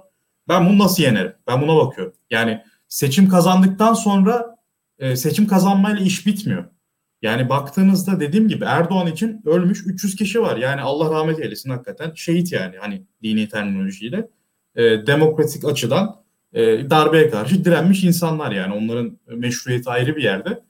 E, ama baktığınızda Erdoğan böyle bir sürükleyiciliği var. Yani insanları sokağa çıkarabiliyor. Ne bileyim ya hakikaten tankların önüne sürebiliyor. Bir şekilde bunu yapabilen bir lider. Şimdi bunun medyası var. Yani şu an baktığınızda medyanın %90 Erdoğan'ın. E, yani diğer her alanda iktidar mücadelesi artık iktidar içi, iktidar parti için falan geçin aile içi. Yani o kadar iktidar Erdoğan'ın elinde ki e, Bilal Erdoğanlar mı alacak mesela TFF yoksa başka işte Albayraklar mı alacak falan ya da Trabzon mu şampiyon olacak Başakşehir mi şampiyon olacak bunları konuşuyoruz. Yani bu insanlar yüzde 45 ile seçim kaybetse bence dağılacak bir yapıda değiller. Yani ben özellikle konuyu buraya çekiyorum ki en olumsuz gerçekçi senaryodan bakabilelim ve e, bu otoriterliği, e, otokratlaşmayı bir şekilde e, demokratik yollarla alaşağı edebilelim. Şimdi e, burada benim birkaç sorum var.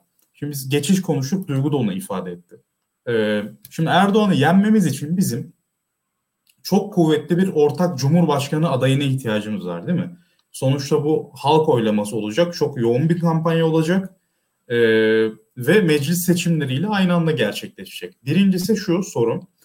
Ortak Cumhurbaşkanı adayı Erdoğan'ı yenecek ve belki 30 milyona yakın oy alacak bir kişi olacak. Ve çok popüler olacak.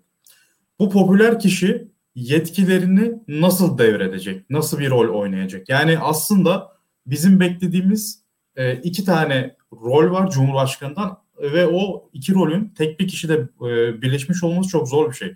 Yani Erdoğan'a karşı seçim kazanacak sonra da seçimle kazandığı yetkileri bir şekilde devredecek. Şimdi bu aday e, böyle bir şey mümkün mü? Soru bir bu. İkincisi de şu. Şimdi HDP'den bahsetti ya İlkan. Gerçekten HDP kingmaker pozisyonda olacak. Çünkü HDP eğer %11-12 alırsa muhtemelen 70-80 milletvekili elde edecek. Ee, sonraki dönemlerde de bunu korur muhtemelen. İktidarın bir parçası olacak. Zaten 7 Haziran 2015'i hatırlayın. HDP koalisyonda olacaktı. Yani MHP kabul etseydi CHP, MHP, HDP koalisyonu olacaktı. MHP bunu kabul etmedi. Öyle bir durumdu ki bu saf değiştirdi. Yani baktığınızda bambaşka bir yere itti Türkiye'yi değil mi? Yani Türkiye'nin hikayesi değişti o seçimde. Şimdi böyle bir HDP'nin etkisi çok büyük aslında. Biz çok konuşmuyoruz da. Şimdi HDP birincisi aday sorusuydu. İkincisi diyelim ki HDP bu adayı destekledi. Muhtemelen öyle olacak. Veya ilk turda Demirtaş çıkacak. ya da işte HDP'nin başka bir adayı ikinci turda destekleyecek. Yani muhtemelen öyle olacak. Ama HDP mesela e, Millet İttifakı veya başka yeni bir ittifak içinde olması gerekiyor mu? Mesela Ekşi Sözlük'te şöyle bir link vardı bugün. 15 Şubat'ta 6 parti bir araya gelip güçlendirilmiş parlamenter sisteme dair önerisini duyuracak gibi bir şaya çıkmış. Ekşi Sözlük'te başlığı vardı. İşte bunların içinde CHP ile Parti var, Demokrat Parti ile Saadet var, ee, bir de DEVA ile Gelecek var. Ama HDP yok.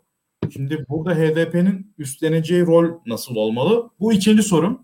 Şimdi yayın e, 1 saat 16 dakika oldu. Sorularımı ortaya atayım ki e, böyle harmanlansın. Siz de, de söyleyeceklerinizi düşünün. E, üçüncü sorum da şu olacak. Şimdi mesela MHP Erdoğan'ı zorluyor değil mi? HDP'yi kapat diyor filan. AK Parti tarafı pek sıcak bakmıyor buna vesaire. Ee, burada mesela şunu bekliyorlar. Yani Erdoğan acaba parlamenter sisteme döner mi? Şimdi Erdoğan eğer parlamenter sisteme dönerse muhalefet ne yapmalı? Ben Türkiye'nin e, demokrasisini düzeltmeye çalışırken soyut bakmaktan ve tarihsel bakmaktan da kaçınıyorum özellikle. Çünkü çok yeni bir fenomen var karşımızda ve çok güçlü. Ee, yani Trump filan hikaye bence bunun yanında. Biz bayağı Putin modeliyle mücadele ediyoruz. Yani bu gerçekliğin farkında olarak e, cevaplarınızı e, dinlemek isterim. Edgar'dan başlayalım. Hangisinden başlamak istiyorsun? Valla teşekkürler yani. şey merak etme seni tatmin edecek cevaplar vereceğim. Şimdi sana, sana cevaplarımı hazırladım.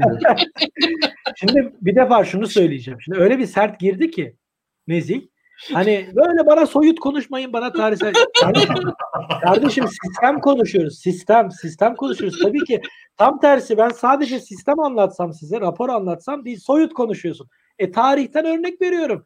Ülkenin son o 20 yıldır anası ağlamış. O 20 yıldan örnek ver, verebildiğimiz örneği tarih evet. veriyoruz. Ne yapalım neyse. Ben de ben de işte şeytanın avukatı modum yani. Yok yok. Ee, iyi yapıyorsun o konuda.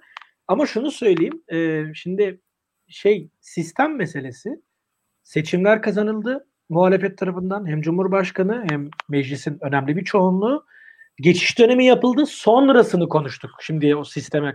Şimdi sen konuyu şeye çektin e, seçimlere o açıdan orada zaten soyut ve tarihsel değil hakikaten bugüne bakarak konuşmak lazım.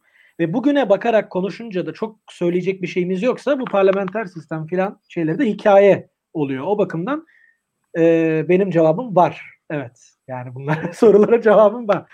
Neyse hemen başlayalım. Şimdi orta aday çok ortak aday çok kuvvetli oluyor. Bir defa ortak aday olayında e, bilmiyorum buradaki herkes e, mütabık mı? Yani ortak aday konusunda tartışacak hakikaten çok e, fazla bir şey yok. Onu söyleyelim. Burada e, ara ara e, böyle nöbetleşe birilerini koymak lazım. CNN Türkiye, Haber Türkiye izlesin diye. Ne konuşuluyor haber versin bize diye. Hepimiz izleyince boşuna reyting kazandırırız. Oralarda bakıyorum halen işte şey CHP'ye şey biçiyorlar. İşte herkes kendi adayını çıkarsınmış. ikinci turda birleşe.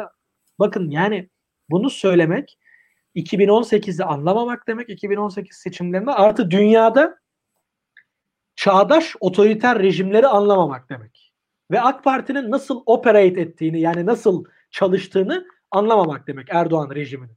O bakımdan ortak aday çok tartışılacak bir şey değil ama çok fazla vakitte olmadığı için onun üzerine uzun uzun tartışmak istemiyorum. Yani bunu Nezih bilir biz çok tartışmışlığımız var ortak aday. Neden ortak aday olması gerektiğini. Benim bununla ilgili bir tane de yazım var sadece bununla ilgili. Çünkü birçoğu için ortak aday işte herkesin istediği bir aday bulamayacağız şey e, şey olacak, sıkıntı olacak. İkinci turda zaten birleşilir. Hani tamam da zaten e, herkesin istediği adaylı olmuyor bu işler. Biden işte herkesin en az istediği adaylı oluyor. Biden örneği. Neyse hadi oraya girmeyeceğiz. Şimdi nasıl devredecek? Şimdi şöyle olması lazım. Bence bir adayın her şeye rağmen her ne kadar tek adayla bu iş çözülecekse de tek adayla seçimi kazanmak çok zor.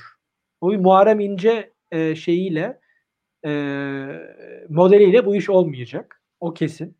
Çünkü bütün partilerin ona destek veriyor olması lazım. Yani ben bunu şey örneğiyle hep anlatmaya çalışıyorum. Bir aday düşünün. Davutoğlu gidecek Konya'da aynı aday için miting yapacak. Akşener gidecek Manisa'da, Eskişehir'de, Afyonkarahisar'da miting yapacak aynı aday için.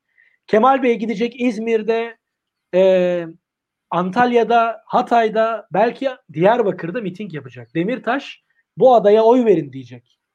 Ama zaten e, şöyle olsa daha iyi. Özellikle HDP için söylüyorum. İkinci soru da onunla ilgili.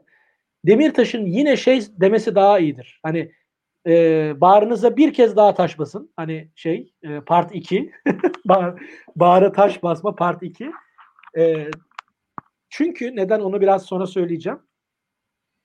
Herkesin ortak adayı olması ancak e, bu şekilde sağlanabilir ama bunu partilerin içten, samimi, genuine İngilizce tabiriyle yapabilmesinin de tek yolu bana kalırsa bir kabine oluşturarak seçime girmelidir. Yani aday, şimdi sistem çok fazla adayı ön plana çıkarıyor. Bir de karşıdaki rakibin Erdoğan olması adayı çok öne çıkarıyor. Yani hem konjonktür hem kurumsal yapı adayın zaten öne çıkması için uygun. Biz de e, ulan gene bu kadar popüler bir aday olacaksa ve bu kadar yetkiyi alacaksa Türkiye nasıl tekrar demokrasiye dönecek sarmalına giriyoruz. Olay şu.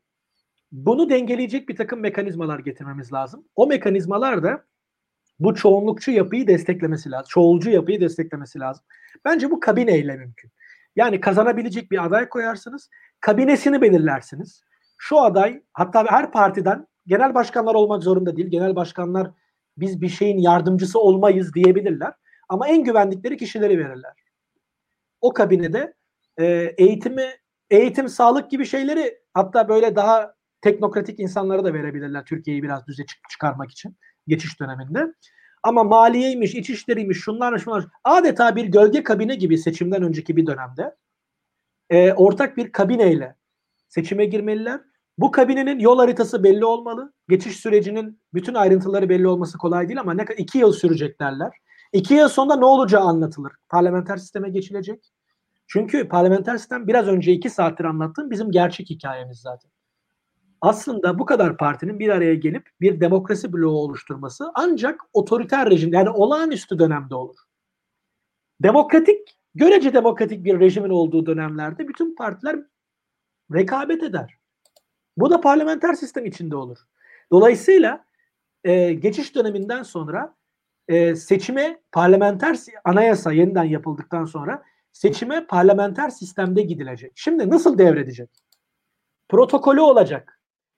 O başkan mecliste o partilerden bir tanesinin bir milletvekili bile olmadan yasa çıkarmakta zorlanacak zaten. Çünkü muhalefet e, yani İlkan'ın söylediği gibi AK Parti öyle çok büyük kan kaybetmiş değil.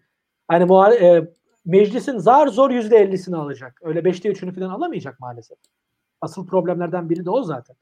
Dolayısıyla bütün partilerin evet demediği bir şey o geçiş döneminde yapılamaz. Yani o cumhurbaşkanı çok fazla güçlü olarak düşünmeyin bu açıdan. Erdoğan şu an arkasında meclis grubu olduğu için güçlü. Ve başkanlık sistemleri çok tehlikelidir eğer meclis grubu yoksa başkanın. Yani yasama e, organı ile yürütme organı e, başkanlık sisteminde kavga ettiği zaman Yeltsin 93'te Rus parlamentosunu bombalattı. Bombalattı ya bomba bayağı gün yani Amerika'da olan da bakın en demokratik başkanlık sistemi olmasına rağmen Amerika'da da olan bunun bir ufak versiyonudur. Bu kadar e, bir exception, bir istisna olmasına rağmen e, başkanlık sisteminde. Neyse konuya geri dönelim. Dolayısıyla protokol ve kabine olursa o cumhurbaşkanının kabinesi ve meclisteki grubu e, okey demeden Cumhurbaşkanı'nın yetkilerini kullanabilmesi mümkün değil. Cumhurbaşkanı kararname çıkarabilir, meclis onu e, alt edebilir çıkardığı yasayla. Dolayısıyla çok güçlü olduğunu düşünmeyin. Orada herkes, bütün partiler muhtemelen birbirleriyle o ittifak ilişkisi kolay olmayacak. Biri bir şey diyecek, öbürü kızacak. Çünkü her partinin bir ılımlı kanadı var, bir de sert kanadı var. Her partinin sert kanadı görüyorsunuz işte bunlar ittifakta neler yapıyor filan diyecek bütün partiler o geçiş döneminde bir an önce şu parlamenter sistemi getirelim ve rekabet edelim isteğinde olacak. Yani normale dönelim. Dolayısıyla Cumhurbaşkanı'nın e, yetkilerin devretmesi düşündüğün kadar zor olmayacaktır diye düşünüyorum. Çok kolay olur demiyorum ama düşündüğün kadar zor olmayacaktır. HDP e, nasıl olacak? Aynı sebepten HDP'nin o mecliste 80 milletvekili en az olabilir evet. Fakat daha sonra parlamenter rejime geçtiğin zaman e, e şeyi barajı 3'e ya da 5'e düşürdüğün zaman HDP'nin tekrar 13 alabilir mi bilmiyorum. Alabilmesi için hak etmesi gerekecek. Şu an hak etmiyor tartışmasına girmek istemiyorum ama emanet oy işine gerek kalmamış olacak. Ama bana kalırsa parlamenter sistemde de partilerin ittifakla seçime girmesi mümkün kılınabilmeli. Danimarka'da filan e, olduğu gibi. Hatta o zaman barajı beraber ittifakça geçmeleri yeterli olabilmeli. Yani neyse dolayısıyla HDP'nin de meclisteki kilit konumu aslında bütün partilerin özellikle iktidardaki muhalefet bloğunun geçiş döneminden bahsediyorum. Bir an önce seçimlere gitmesini e, motive edecek bir şey. Yani HDP'nin 80 milletvekiliyle iktidara e, gerektiğinde bir şeyleri empoze edebilmesi ihtimali bugün CHP yani HDP'ye en yakın muhalefet partisinin bile kolay kolay kaldırabileceği bir şey olmayabilir. Dolayısıyla şuraya geliyor konu. HDP bu işin en radikal aktörü ama bütün muhalefet partileri bir arada durmaları kolay değil. Onun için geçiş dönemini hızlı ve asgari müştereklerde yapmaya çalışacaklar. Bunların e, sistem içinde oper, yani operate edebilmesi için parlamenter sistem gerekiyor. Orada o geçiş döneminde medya, kamu e, yani bir seçim sistemi, medya bir de kamu ihale yasası ile ilgili bunlar çok özel konular. Yani bazı kurumlarla ilgili ve bunlar meclisin salt çoğunlukla değiştirebileceği şeyler. Öyle çok büyük çoğunluğa da gerek yok. Yapacağı düzenlemeler e, tekrardan AK Parti bile olsa, AK Parti MHP ittifakı bile olsa iktidara geldiği zaman bugünkü otokrasiyi kuramaması için çok büyük imkanlar sağlayacak. Yani kurumsal yapının tekrardan otokratikleşmeye izin vermemesi. Şimdi son e, ifade. Erdoğan parlamenter sisteme dönerse, arkadaşlar Erdoğan'ın parlamenter sisteme dönmesi için muhalefetin desteği şart. Onun için muhalefete benim önerim bir an önce e, güçlendirilmiş parlamenter sistem diyerek neyi kastettiğinizi tıpkı bizim bu raporda yaptığımız gibi biraz daha netleştirirlerse bu kadar netleştirmelerine gerek yok. O zaman bir asgari e, kırmızı çizgi çizerler. Yani biz parlamenter sistem istiyoruz ama şu seviyede bir parlamenter sistem istiyoruz. Erdoğan şu altta bir şey önerdiği zaman onu kabul etmemeleri için meşru bir sebebi olur. Çünkü e, Erdoğan'ın tek başına parlamenter sisteme dönmesi mümkün değil. MHP ile bile dönmesi mümkün değil. Bu 5'te 3'leri yok e, şeyde parlamentoda. Dolayısıyla e, zaten MHP dönmek istemez ayrı mesele. Dolayısıyla Erdoğan'ın parlamenter sisteme dönecek manevra alanının ben kaldığını sanmıyorum. Ki Bahçeli de HDP'yi kapat filan diyerek aslında amacı bana kalırsa Erdoğan'ı e, geri dönüşü olmayacak bir şekilde kendisine mahkum etmektir. Çünkü Erdoğan'ın işte Oğuzhan Asil Türk'le görüşmesi, zaman zaman e, işte Abdülhamit Gül üzerinden vesaire e, şey yapması, bu reform ifadelerini çok kullanması ve eski milli görüş tabanıyla kurduğu ilişki Devlet Bahçeli'nin gözünde bana kalırsa çok fazla bu yedek bir şey arıyor. Eee iktidar ortağı arıyor şeyini güçlendiriyor. Ha Saadet Partisi bütünüyle bile bugün MHP'nin işlevini Cumhur İttifakı'nda göremez.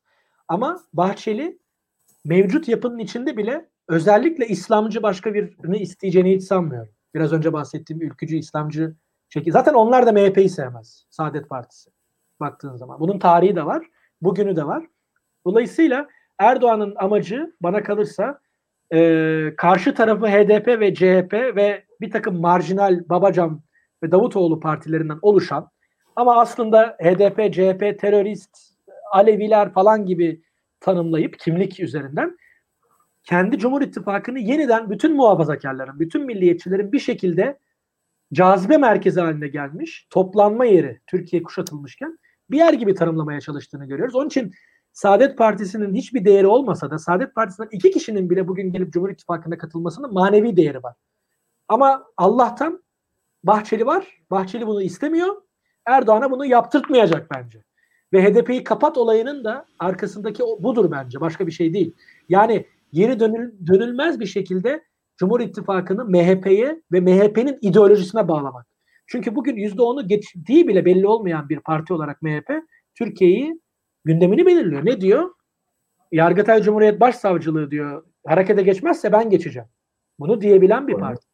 Yani bu olacak şey değil. Dolayısıyla e, yani Bahçeli sadece Erdoğan'ı kendisine mahkum ederek yüzde elliyi nasıl geçmeyi planlıyor? Bir tek onu çözemiyorum. yani yani bu yolla orada, bu kutuplaşmayla e, belki geçebiliriz diye düşünüyor ama orada, ya orada şöyle bir şey var e, Edgar. Ee, şimdi HDP'yi kapatma meselesi var ya bu bir ihtimal gerçekleşirse bu A senaryosu ee, şimdi HDP seçmeninin yaklaşık üçte biri biz farklı araştırmalarda görüyoruz boykot eğilimde. Yani Buna mesela, hiç katılmıyorum bu arada bak peşinen söylüyorum. Bu, bu şey bu, e, araştırma verisi olduğu için söylüyorum. Anladım evet. Yani zaten mesela HDP diyelim kapatıldı tamam mı? Bir şekilde de seçime o şekilde girildi. Yani HDP yani Kürt siyasi hareketi yeni parti kuramadı filan. Kurdurtmazlar ee, zaten bu sefer. Ha, bu sefer ya da işte bağım, bağımsızlar organize olamadı filan. Yani böyle e, hazırlıksız yakalanmış oldular diyelim. E, HDP seçmeninin zaten %66'sının gidip işte CHP veya başka partilere, DEVA'ya filan oy vermesi muazzam bir şey olur. Yani %66'ya ulaşabilirse HDP seçmeni zaten muazzam olur. Yani Bence daha fazlaya olur. ulaşır. Bak Öcalan işte, 23 Haziran'da Öcalan'la denedikleri bu sefer daha büyük teper gibi geliyor bana. Hani senin geliyorum. dediğin gibi. Heh, tamam. Pardon. Şimdi geliyorum. Ee, şimdi zaten %66 büyük bir oran. Yani o kadarını götürebilirse büyük karda. Ee, şeyi hatırlayalım. Mesela Ekmelettin İhsanoğlu seçimini hatırlayalım. Yani orada CHP İyi Partililerin bile İyi Parti diyorum da o zamanki aslında İyi Partililerdi yani MHP'lilerin evet. bir kısmı. Ee, onların katılım bile %70'i zor geçti mesela. Yani seçmeni motive etmek ayrı bir şey. Ee, Konjonktür çok farklı ama.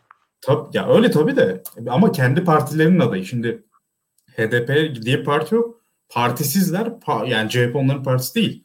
E, diyelim ki böyle oldu. Benim tahminim yani o HDP'lerin gidip başka parti oy verme oranı Doğu ve Güneydoğu'yu da düşünelim. Yani İstanbul seçmeni değil sadece. %75'i geçmesi bence çok zor. E, %70'lerde kalması normal hatta 70 bile çok büyük, iyi bir rakam. Şimdi HDP'nin diyelim ki 10 puan seçmeni var işte. 3-4 puanı oyun dışı kaldığında HDP hariç muhalefetle e, Cumhur İttifakı'nın oyu eşitleniyor. Cumhur İttifakı bir adım ona öne geçiyor. Yani e, Cumhur İttifakı'nın oyu kararsızlar dağıtılmadan 40, tüm muhalefet 45-46 civarı. E, HDP'yi oradan çıkardığımızda geriye muhalefette 38 falan kalıyor. Yani Hadi diyelim ki işte HDP'nin bir kısmı geldi gitti falan. Kafa kafaya oluyor. Cumhur İttifakı yine 50 artı 1 ile e, seçimi kazanmayı düşünüyor. Bu A planı. Bu bence ya HDP'nin kapatılması kolay değil. Yani belki HDP dava açılır o şekilde gidilir falan o ayrı mesele. E, kapatılma konusu bence daha kaynar yani. Bir de B planı var. E, bu A ile B iç içe, iç içe de olabilir tabii de. Öcalan kartını bu sefer erken kullanmak. Şimdi geçen seçimde İstanbul'da e, geç kullandılar. Yani orada bir savrukluk oldu. Öcalan açıklama yaptı. O açıklamayı kim okuyacak, nasıl duyurulacak filan bunlar çok gecikti. Son dakikaya kaldı. Son dakikaya kalınca da e, seçmen bunun basit bir oyun olduğunu gördü. Buna tepki veren HDP'lerin bir kısmı verdi okey. Yani ben şeyi biliyorum mesela buna dair araştırma yapanlar günü gününe e, telefon anketiyle falan yapıyorlar.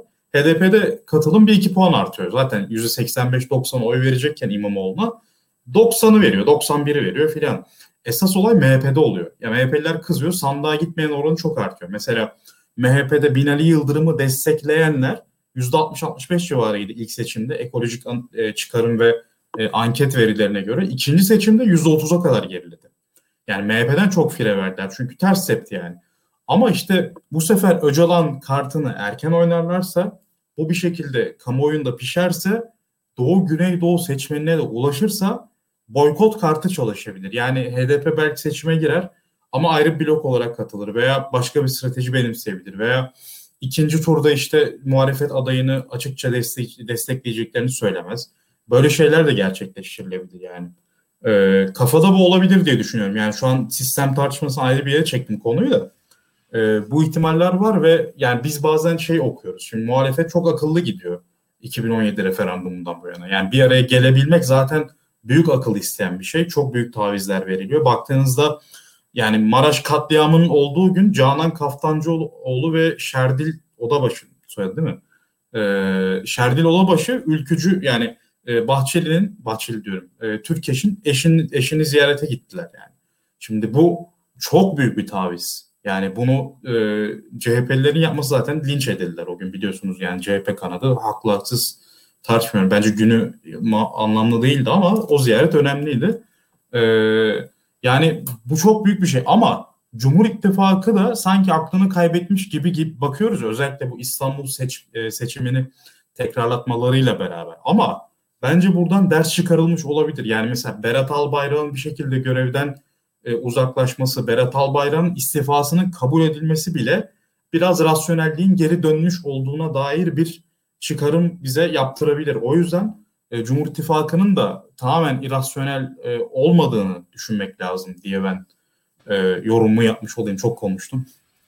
Kusura ben çok bakmayın. kısa bu sürece bir de şey ihtimalini e, hem sormak istiyorum hem hatırlatmak istiyorum. Seçim sisteminde değişiklik yani dar ya da daraltılmış bölge sistemine geçelim mi gibi bir tartışma hani böyle kulislerden falan yansıyan en azından.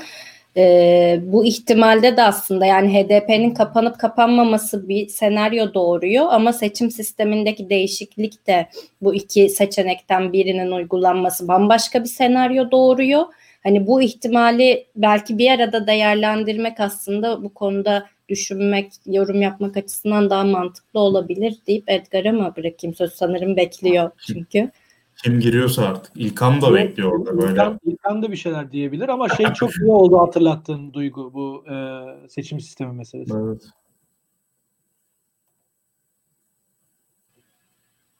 İlkan.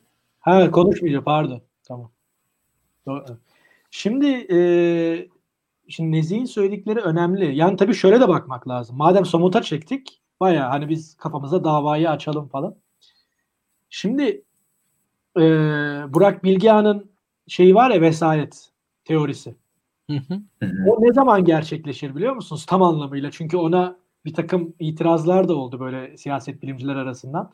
Ben de tam benimsemedim. Yani kavramla olan biten arasındaki boşluk onun ne demek istediğini çok iyi anlıyorum ve büyük oranda hak da veriyorum ama hani sadece o kavramla şu an olan biteni anlatmak açısından.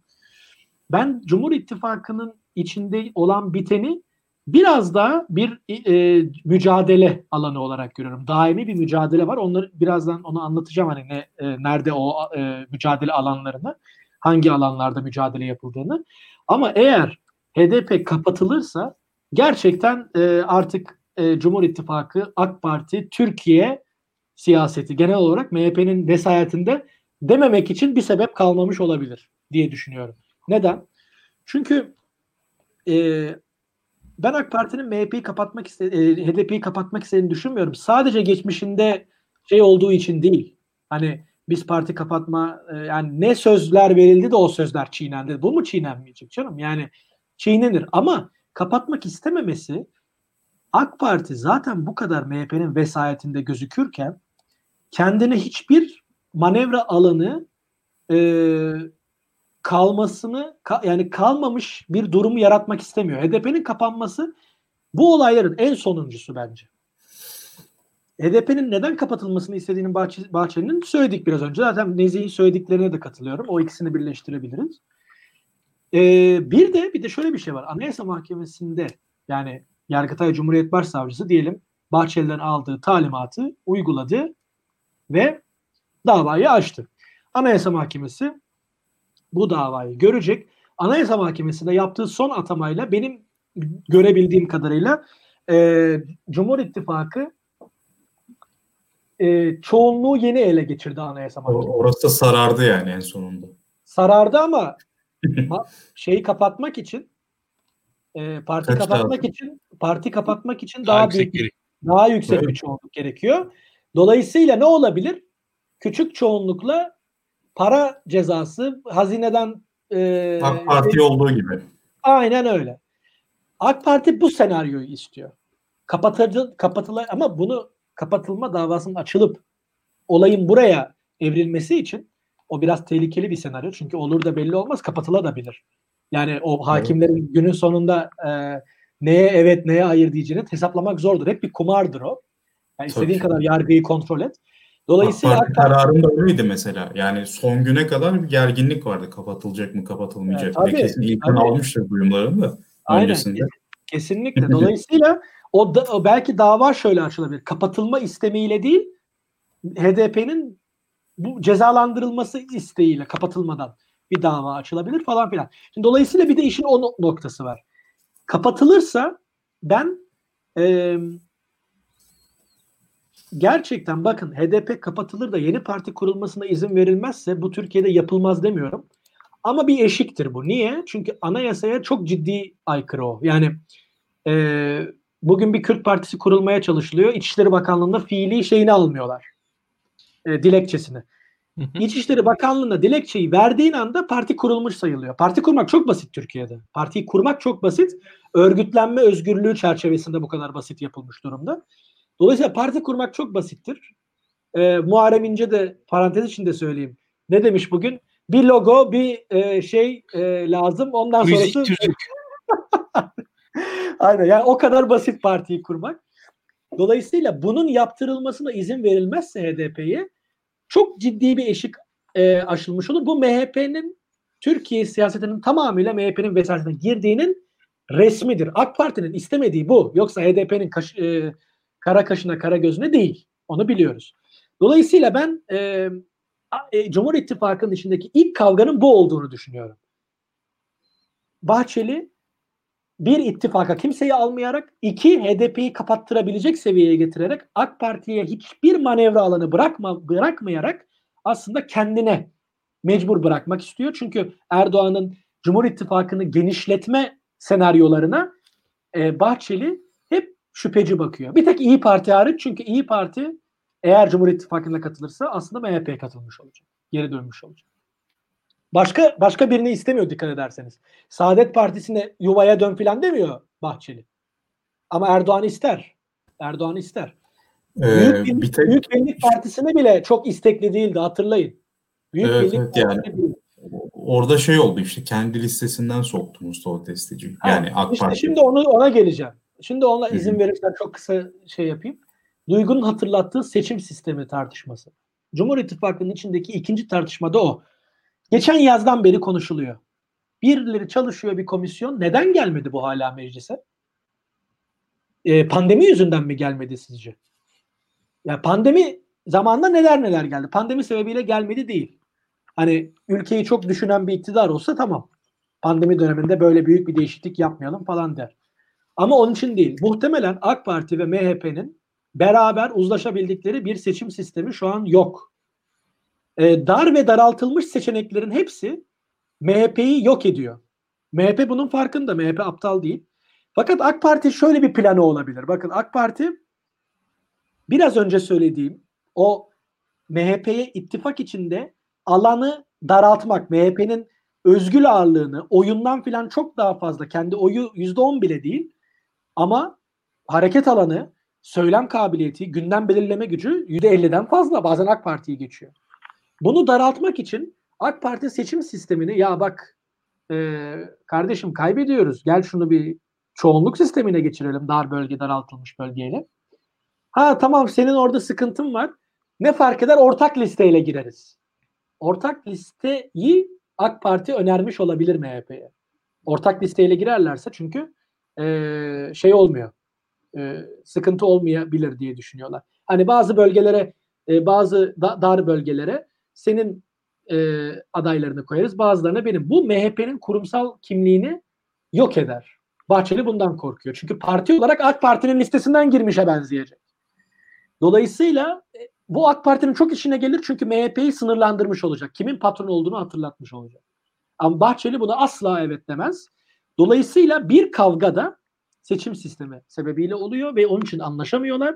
Zaten bence MHP'nin istediği HDP'yi kapatıp seçimlere yakın zamanda gitmek. Bu Evet. olağanüstü koşullarda.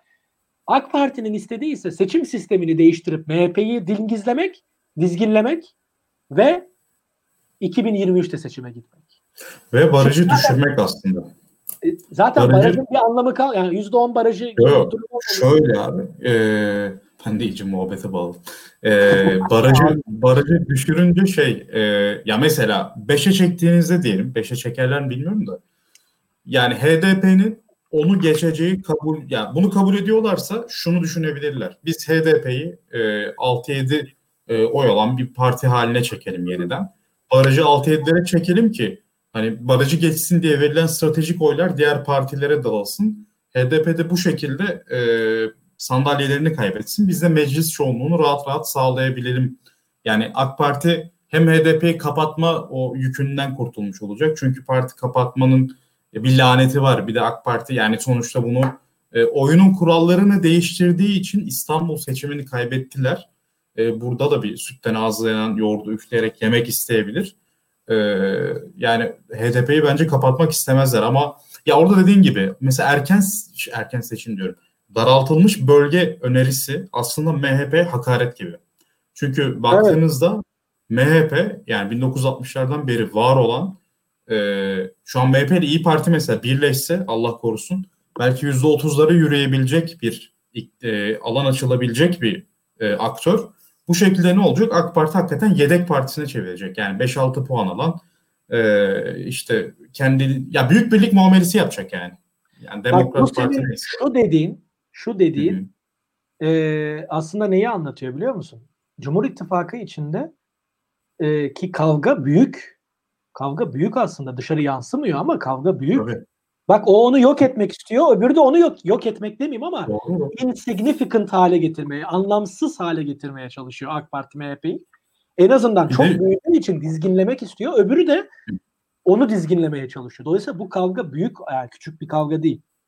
Bir de şunu hatırlatmak lazım. Şimdi Türkiye'deki seçmen gidip oy veriyor, oy kullanıyor ama bizim okuduğumuz gibi siyaseti okumuyor. Hali hazırda olan kimliklerle oy veriyor. Mesela Şimdi e, 2019 yerel seçimlerine geri dönün. Mesela Mansur Yavaş'ın hangi partiden gireceği tartışması vardı Ankara'da. Birçok kişi şey dedi, İyi Parti'den girsin, bu şekilde MHP'den de oyalır, AK Parti'den de oyalır. Hani Meral Akşener öyle istedi. Meral Akşener öyle istedi. E, normal, onun istemesi bence, normal. Yani, normal analistler de. Kemal Bey bunu kabul etmeye et, edebilirdi. Kemal Bey bunu kabul evet. edebilirdi. Fakat bu, o niye öyle olmadı? O öyle olmadıysa o Mansur Yavaş kendisi öyle istemediğinden öyle olmadı. E, tabii tabii. Evet. Ee, yani o süreci bize takip ettik. Ee, soranlara da CHP'den girsin dedik. Yani e, çünkü şunu, şunu biliyoruz yani bu ülkede tanınan 3 tane parti, 4 tane HDP'yi de sayarsak AK Parti, CHP, MHP, İyi Parti tanıyor. Yani İyi Parti HDP tanıyor. AK Parti, CHP, MHP, HDP tanıyor. Yani İyi Parti çok yeni. Deva mesela %60-70 tanımıyor şu anda Deva Partisi'ni. Tabii. Yeni nesilde Babacan'ı tanımayanlar var. Yani Davutoğlu yeni başbakan olduğu için daha çok tanınıyor da konuyu şuraya getireceğim. Şimdi mesela Balıkesir, Manisa, e, ne bileyim başka ne? Mesela buralarda diyelim ki MHP muhalefet olsaydı. Yani CHP ile İyi Parti ile C, yani Meral Akşener MHP'nin başında olsaydı e, oy oranı az, aynı olsaydı ama bir şekilde. Yani benzer oy oranı olsaydı buralar İyi Parti değil de MHP adıyla girseydi buralarda seçmen muhalefet muhtemelen kazanırdı. Çünkü seçmen tanımıyor İyi Parti'yi mesela. Yani MHP'nin bir karizması var sağ seçmende. Yani marka sağ seçmen MHP evet marka değeri var. Aşırı bulur, kavgacı bulur şey. Ya ülkücüleri falan sevmez sağ seçmen ama MHP'yi sever. Yani bir kere üç hilal var. Üç hilal demek Osmanlı demek. Yani gerçekten bu Türk Sünni kimliğine bayağı hitap eden bir şey. Ya yani biz böyle kendi aramızda CCC falan diyoruz da MHP de kendi markasını kurtarıyor. Bakın Bahçeli miting yapmadan %11 aldı ya. Yani böyle bir şey mümkün mü normalde? Yani İyi Parti elinden geleni yaptı. %9.9 aldı. E, MHP hiçbir şey yapmadı 11 aldı yani. E, dolayısıyla senin dediğin nokta çok önemli, çok değerli bence. Yani o MHP şerefini kurtarıyordu. Şerefini kurtarırken AK Parti'yi yakıyor. O zaman sen de HDP'yi kapat diyor mesela. Çok zor bir cendereye sokuyor. Evet, Hele ki bir de reform falan dedi yani. Hani evet, Berat Albayrak gitti filan. Ki Berat Albayrak seviyordu Bahçeli bayağı. Evet. Onu çok Çünkü... geliyor. Tam birbirlerinin stilinde iş yapıyorlardı zaten yani. Evet aynen öyle. Ee, yalnız şöyle bir şey var. Bu tabii ayrı bir tartışma. Belki buna gir, buna girmeye çok şey yok. Onu ayrıca tar yani şey e, Manisa, Balıkesir, İyi Parti'nin oraları İyi Parti Ankara'yı kazanamaz kazanamazdı belki Mansur Yavaş aday olmasına rağmen. Bunun sebebi sadece İyi Parti'nin tanınmaması değil bence. Başka şeyler de olurdu. İyi Parti bakın şimdi CHP HDP'den oy alabildi. Ne olursa olsun Mansur Yavaş da olsa ülkücü geçmişinden ötürü söylüyorum. Ama Balıkesir'i İyi Parti kazanamadı. İyi, İyi Parti'nin Balıkesir'i kazanamaması çok büyük bir beceriksizlikti. Yani bunu söylemek lazım. Iğdır ve Ağrı neydi o? Iğdır'la e, şa, e, Kars. Ağlat'ta galiba. Ka, e, Kars değil. Ha Kars'ta bir de galiba. Yok. E, Yok Kars zaten HDP kazandı da nerede çekildiler? E, şey Cumhur İttifakı lehine. Oralarda Cumhur İttifakı. Ben bununla ilgili yazı yazdım hatırlarsan. Ee, İyi Parti'nin HDP ile kavgası işe yarıyor mu diye.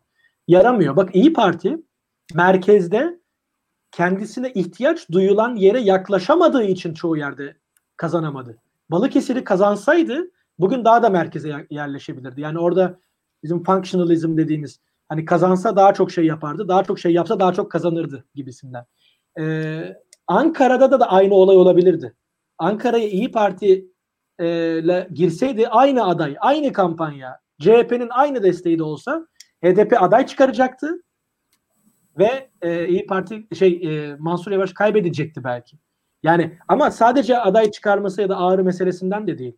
Orada İyi Parti'nin esnekliği Türk siyasetinin ihtiyaç duyduğu orandan biraz az halen. Bu çok kötü bir şey aslında. Yani bunu da hani sadece demokratik bir perspektiften söylemiyorum. Şu an Türkiye'yi Cumhur İttifakı'ndan kurtaracak zihniyetin gerektirdiği esneklikten bahsediyorum. Yani bu çok önemli. İsterseniz bu noktada bilmiyorum zaman var mı ama bir şey e, biraz da muhalefetin ittifakı nasıl olacak, HDP orada olacak mı onu konuşalım isterseniz. Bilmiyorum. Yani orada İlkan, İlkan topu ya da Duygu artık. Ya yani şöyle. Ben çok e, konuştum. ya açıkçası süreyi de biraz çok aşmadan e, muhalefetin ittifakı derken e, bir defa ya ben hani Edgar'ın anlattığı şeylerin arasında bir e, ipucu vardı, ipuçları vardı. Bir defa e, iki turlu seçime gidiyoruz. Ya bence şu an çok onun farkında mıyız bilmiyorum. Ve şöyle bir şey var. İkinci turu eğer olursa bu seçimin meclis belliyken ikinci tur olacak. Yani e, o 15 günü Türkiye yaşamadı. Ben nasıl bir 15 gün yaşayacağımızı pek hayal edemiyorum. Kafamda kurarken yani bu medya var. O ara hani adayların sağlığı, güvenliği, yarın bir gün nezle oldu. Arada 15 günde ne olur falan. Ya yani bayağı hikayeler dönebilir. Ki yani benzer bir süreci aslında yaşadık. 23 e, Haziran e, sürecinde işte İstanbul'da. Acaba ona onun üzerinden düşünüyorum neler olabilir, neler olmaz diye. Ee, yani bu birkaç şey daha şu geçmişte de yani ona çok girmeyeyim neyse. Ee, bu muhalefetin ben de nispeten daha yazılı ittifakını yani kurallarını olabildiğince e, kodifiye etmiş şekilde girmesinin e, önemli olduğunu düşünüyorum ama bir adayıyla yani adaysız değil. Yani aday olması gerekiyor. O işin seçmene bırakılmasının e, anlamlı e, olduğunu düşünmüyorum. Aksine e, başarısızlığı getireceğini öngörüyorum şu anda. Yani olabildiğince işi ilk turda kazanma yönünde e, hareket etmesi gerekiyor muhalefetin. Eğer ikinci tura kalırsa e, yani dehşetli bir bilinmezlik içerisindeyiz ve e, maddi güç olarak iktidardan geride olacağı için yani çok teknik bir şey var. Yani iki kampanya yapacaksınız para yok. Yani şu iktidarın daha çok parası var. Yani ikinci kampanya için 15 gün daha para harcamanız gerekiyor en basitinden. Yani insan sayınız daha e, zor mobilize olacak şekilde e, yerleşmiş durumda. AK Parti'nin üye sayısı daha fazla. Yani o 15 gün 15 gün daha fazla çalışmanız kolay değil.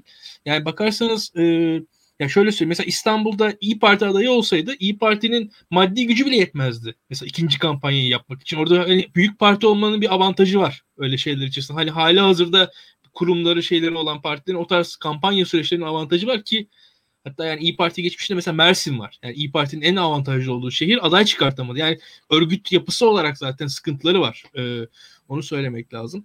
Ee, bu açıdan ben hani Edgar daha önce anlattı bazı şeylerini muhalefetin nispeten ilkeler bazında yazması lazım bazı şeyleri.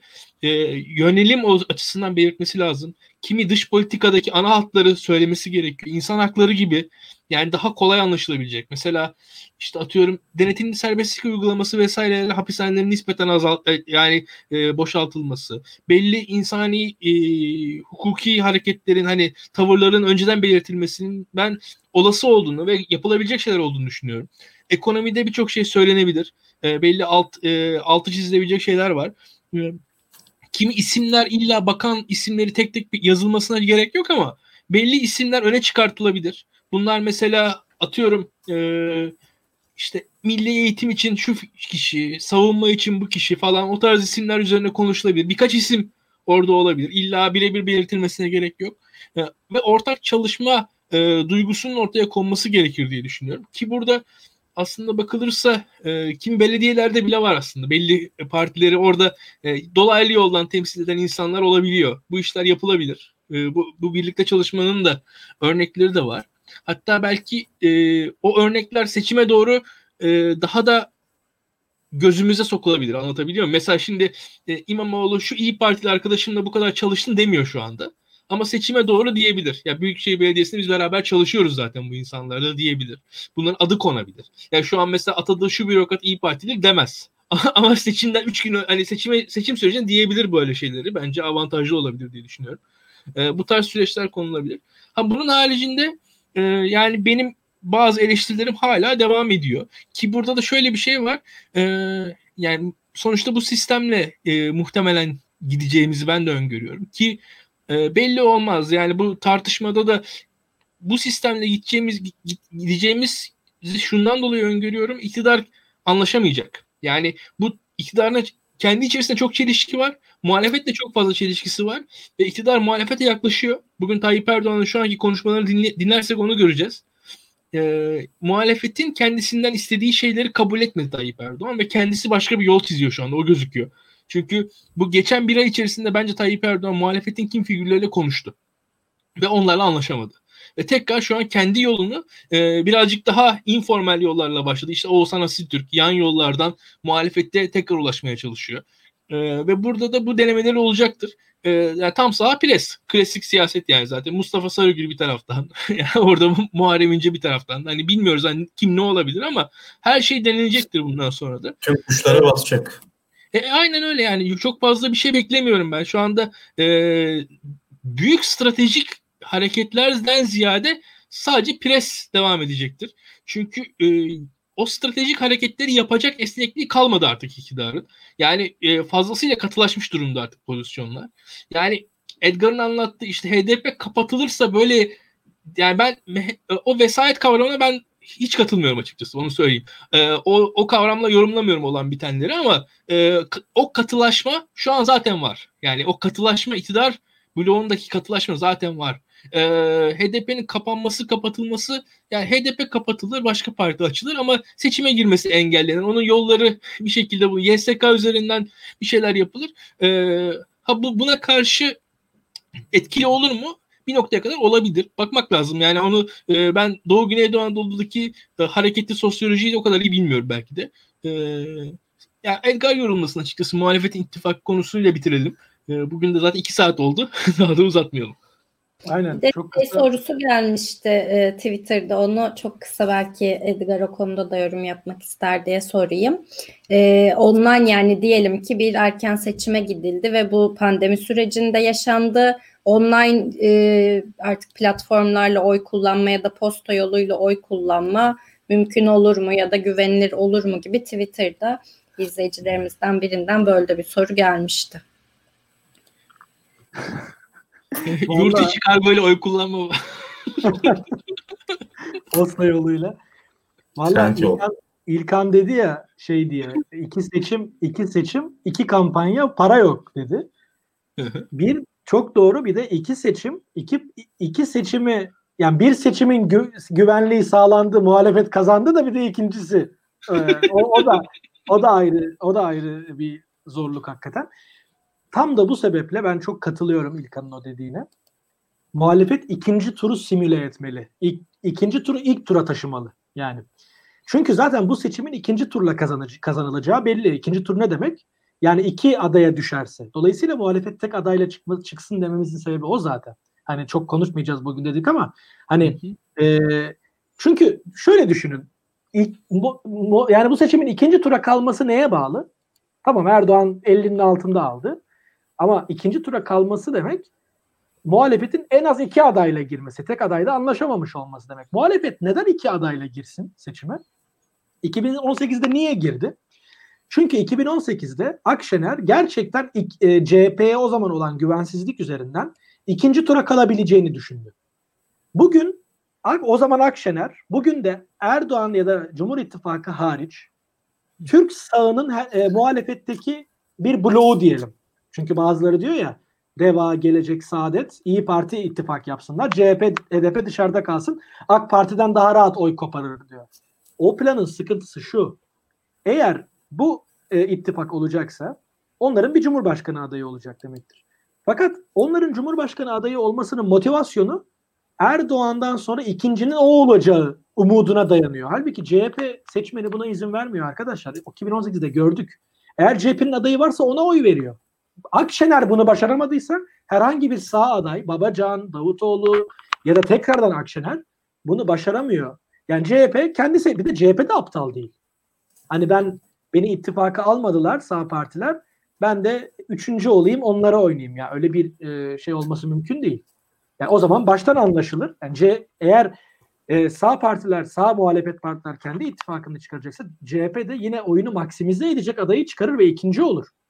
O zaman da şöyle bir sıkıntı olur. İkinci tura gitti diyelim. Sağ partiler CHP'ye o zaman kayacak mı? Ya işte kayması için bunu baştan planla. Kabineyi ortak yarat. Yani otoriter rejimlerle mücadelede seçimlerin nasıl kazanılacağıyla ilgili koca bir literatür var. Bir de uygulamalar var. Yani, yani. Artık bunu tartışmaya bile gerek yok. Neyse. HDP ile ilgili son bir şey söyleyeceğim sadece. HDP ittifakta olmadan da bir çözüm yapılabilir ve Demirtaş bunun farkında. Demirtaş'ın zaman zaman e, verdiği mülakatlar var. Orada e, çok dikkat çekmeyen, arada kaynayan bir mülakatı oldu. Çünkü o gün başka bir gündem olmuştu hatırlamıyorum. Enver Aysever'in e, köşesinde yayınlamak üzere Enver Aysever'e verdiği bir mülakat var. Tarihini yani bulunabilir o Demirtaş'ın. Orada Demirtaş açıkça şunu söylüyor. Biz e, muhalefet ittifakı ile aynı ittifakta olmak zorunda değiliz. Böyle bir zorunluluğumuz yok. Bunu kime karşı diyor? Mithat Sancar'ın ve HDP yönetiminin baştan beri e, işte muhalefet bu sefer bizi dikkate alıp hukuken ittifaka alırsa işbirliği yaparız ifadelerine bıraktılar o ifadeleri burada dikkat ederseniz. Evet. Bunlara karşı Demirtaş söylemişti bunu. Demirtaş bunu şöyle e, meşrulaştırmıştı. O röportajı okuyacak kişilerin gözünde. Çünkü ittifak e, zaten barajı geçmek için yapılıyor. HDP'nin böyle bir ihtiyacı yok dedi. Yani olayı başka bir şeye çevirdi ve oradaki ittifak kavgasını aslında uzaklaştırdı. Çok zekice bir hareketti o. Aslında HDP'nin de işine gelir ittifaka girmemek. Çünkü baraj meselesinden ötürü e, oyunu maksimize eder. Eğer evet. HDP ittifak olayı sayesinde e, baraj sıkıntısıyla artık karşılaşmayacak bir şekilde seçime giderse oyu yüzde sekize düşebilir ve çoğu araştırmaya göre düşer. Raves de öyle söylüyor. Bir de bir de şöyle bir şey var. Şimdi mesela İstanbul'da HDP e, üçüncü parti İyi Parti ile MHP'ye geçiyor. HDP e, baraj meselesi olmasa muhtemelen %4'e 5'e gerileyecek İstanbul'da. %12-13'ten %4'e 5'e gelecek. Kadıköy'de 15, Beşiktaş'ta 18 alan işte Esenyurt'ta 25 alan parti. Yani buralarda çok daha geriye düşecek. Yani muhtemelen onlar da bunu istemez diye düşünüyorum. Dolayısıyla, Peki son... Yo, sen son bir cümle, son bir cümle. Dolayısıyla HDP'nin e, ittifaka girmemesini başka bir şekilde yani bunu seçim zamanında bir tartışmaya çevirmeyerek bizi aldılar almadılar Kürtler yine dışlandı filan bir e, muhalefetin ortak zekasına ortak aklına dayanarak böyle gidilmesi lazım. HDP'nin bunu talep etmemesi lazım. Demirtaş buna oynuyor. Fakat dedi Demirtaş o e, röportajda. Fakat Cumhur e, şeyin e, muhalefet ittifakının ortak Cumhurbaşkanı adayına destek verilebilir. O konuşulur dedi. Yani tam da aslında muhalefetin istediği şeyi söyledi Demirtaş. Cumhurbaşkanına oy ve ittifaka girmeye ısrar etmeme. Bu HDP'nin muhalefet evet muhalefetin e, içinde muhalefet bloğunun HDP'yi dışlamadan bir arada kalabilmesi yani birlikte olmadan birlikte kalabilmesinin tek yolu ve Demirtaş bunun farkında ve Demirtaş yine bağrınıza taş basın diyerek bunu e, Kürt seçmenlere, HDP'li seçmenlere söyleyecektir diye düşünüyorum. O açıdan umutluyum yani muhalefet açısından. Bu gerçekleştirilebilir geliyor bana. Aslında Demirtaş burada şey eskiden böyle çözüm süreci zamanında e, Öcalan överlerdi ya böyle Öcalan burada bunu okuyor. Ben de şimdi şey diyeceğim. Demirtaş aslında burada geleceği okuyor. Yani e, mesela HDP'nin bu şekilde %11-12 alıp işte 80 e, milletvekiline ulaşabileceğini böylece böylece el yükselteceğini bir sonraki seçimlerde işte iktidar ortağı olabilecek seviyeye gelebileceğini çünkü o zamana kadar muhtemelen e, kendisi serbest kalabilir. E, o şekilde HDP daha da büyük bir dalga yakalayabilir. Zaten seçmenler arasında da Kürt seçmen oranı artıyor yani demografik olarak. E, evet. Kürt gençleri çok daha muhalif. E, en azından yani sağ değiller yani solda yer alıyorlar. Direkt HDP'li olmuyorlar belki ama sağda yer almıyorlar. E, öyle bir rüzgar da yakalayabilir e, Demirtaş. Muhtemelen ona evet. yatırım yapıyor. Yani basit e, hani gururu okşayacak şekilde işte biz de iktidar hmm. partisi olmak istiyoruz, senet istiyoruz gibisinden. Onları evet. bir kenara koyup belki de geleceği okuyor. Peki size bir soru. Ee, hepinize sorayım. Yayında böyle kapatalım. Bu sene sizce erken seçim olur mu? Olursa muhalefet hazırlıksız mı yakalanır? Ne yapması gerekir aday stratejisinde veya mesela bu sene parlamenter sistem vaadine bulunmalı mı? Yani çünkü gündem bambaşka diyelim ki bu sene oldu veya gelecek senenin başında oldu. Yani e, bence bu sene erken seçim olmaz. E, Tayyip Erdoğan Hı-hı. Elinde olan iktidarı olabildiği kadar sürdürmek ister.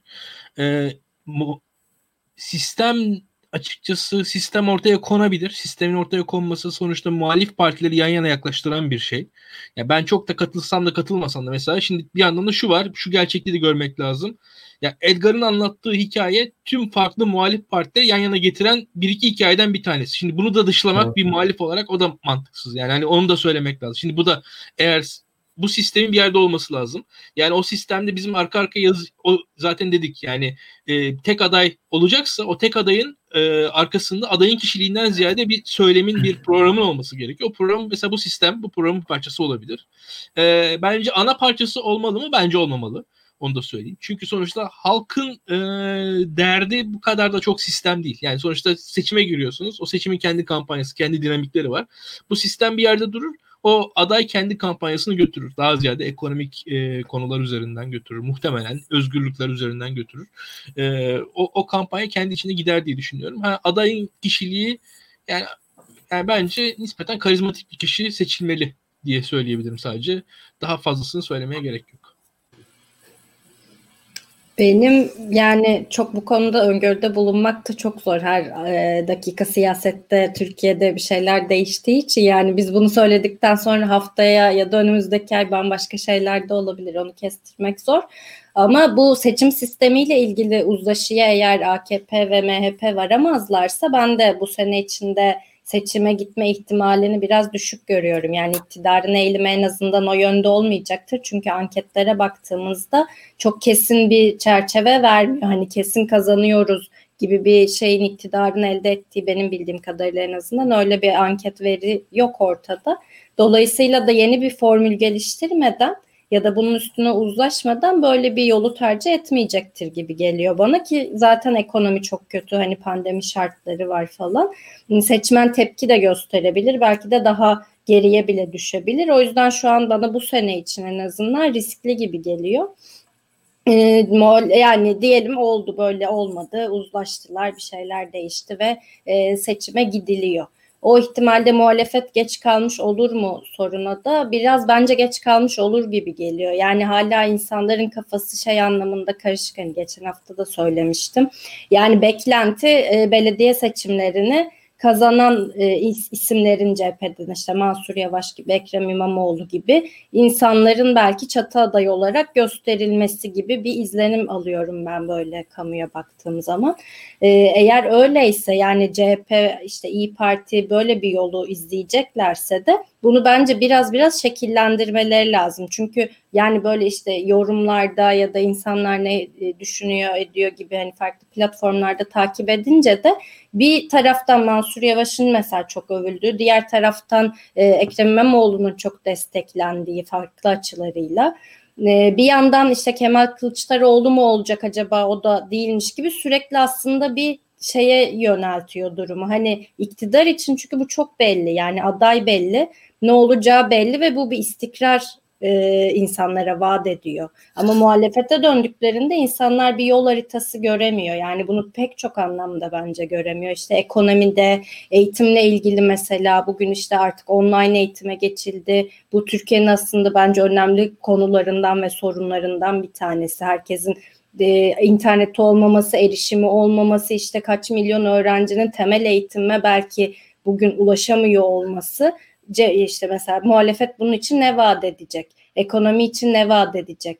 gibi pek çok e, temel konuda bir şeyler söyleyebiliyor olması gerekiyor diye düşünüyorum ben. Çünkü yani seçim olsun olmasın buna hazırlıklı olmak lazım. Sadece gündemdeki konular ve e, iktidarı belli noktalardan eleştirmekten e, öte artık bence insanların beklentisi e, gerçekten bir yol haritası. Biz e, ne vaat ediyoruz size? Bunu çok net cümlelerle belki muhalefetin dile getirebiliyor olması lazım ve belli imajlar, isimleri de ön plana çıkararak çünkü geçmişte e, bu anlamda mağlubiyeti oldu yine başkanlık sisteminde de. E, bir de e, ne sormuştun Onur unuttum ama bu kadar mıydı acaba? Ha bir de şunu söylemek istiyorum aslında İlkan biraz değindi. E, bu aslında e, şey bir sistem önerisiyle gelir mi muhalefet? Bu konuda uzlaşır mı? Gibi bir e, soru sorulduğunda da aslında bu bile e, parlamenter sistemde koalisyonlara dair bu kutuplaşmayı daha da mı acaba ya da işte e, arttırarak kutuplaşmayı istikrarsız hükümetlere mi götürür bizi sorusuna aslında kendi içinde bir cevap. Yani bugün Türkiye'nin dinamiklerine baktığımızda muhalefet evet uzlaşamadığı çok nokta var. İdeolojik olarak ayrıştığı, farklı durduğu belki çok katı noktalar var ama konuşabilir hale geliyorlar bir şekilde. Eğer böyle bir sistem üstüne uzlaşı görürsek ya da çatı aday yoluna gidilmiş olursa e, bu bize aslında kutuplaşmanın bir şekilde kırılmalara başlayacağını en azından elitler düzeyinde, partiler düzeyinde ve belki işte ileride de kurumlar aracılığıyla halka da tekabül edecek bir e, süreç olarak görüyorum ben bunu. O yüzden iyi bir izlenim yaratacaktır. Yani evet tabii ki seçmenin ilk beklentisi sistem değişiyor mu ve ne oluyor gibi böyle, böyle bir konu değil. Şu an insanların çok daha günlük ve çok daha e, güncel kendi hayatlarını birebir etkileyen problemleri var ve bunlar derin problemler. Bunları duymak halkın ilk beklentisi olabilir ama paralelinde daha uzun vadeli e, ne vaat ediyor muhalefet? Bunu göstermekte bence hiç kötü bir izlenim olmayacaktır diye düşünüyorum.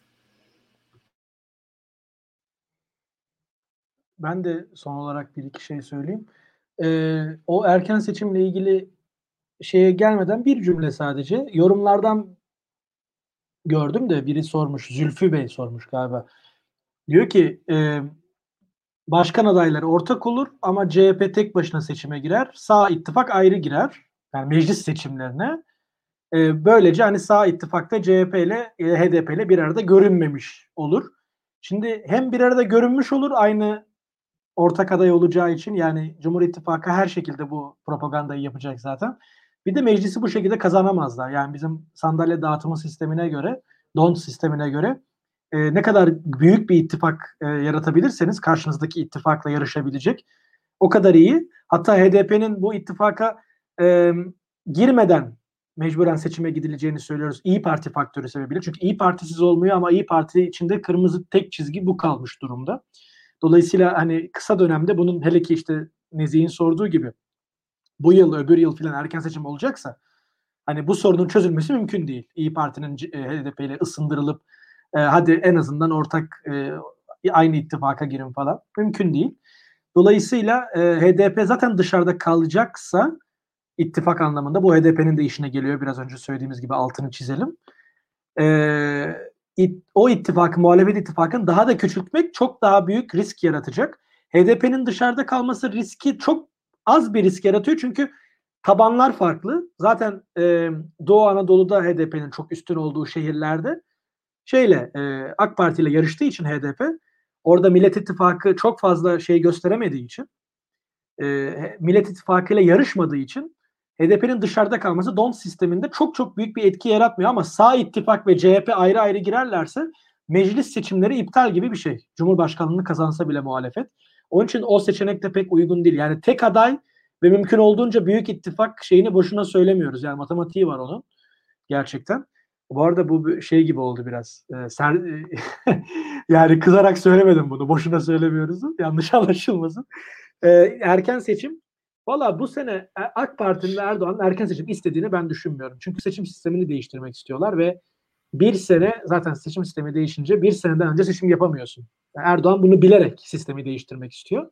Ve İlkan'ın da dediği gibi bütün dönemini kullanmak istiyor. Çünkü şu an ya, ekonomik bir şeylerin toparlanma, göstergelerin toparlanma ihtimali bu sene yapılacak bir seçime göre daha yüksek gözüküyor. En azından Erdoğan buna oynuyor. Bu iki e, sebepten de Erdoğan erken seçim istemiyor.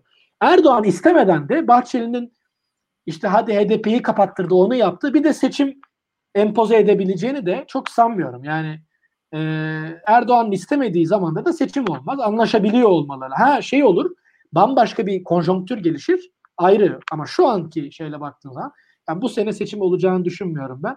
E, biraz da şeye bağlı. Bu Cumhur İttifakı içindeki kavgalar e, şey olabilecek mi? Halledilebilecek mi? Yoksa daha da mı büyüyecek? Biraz da o belirleyecek 2021'de. Buna bakacağız.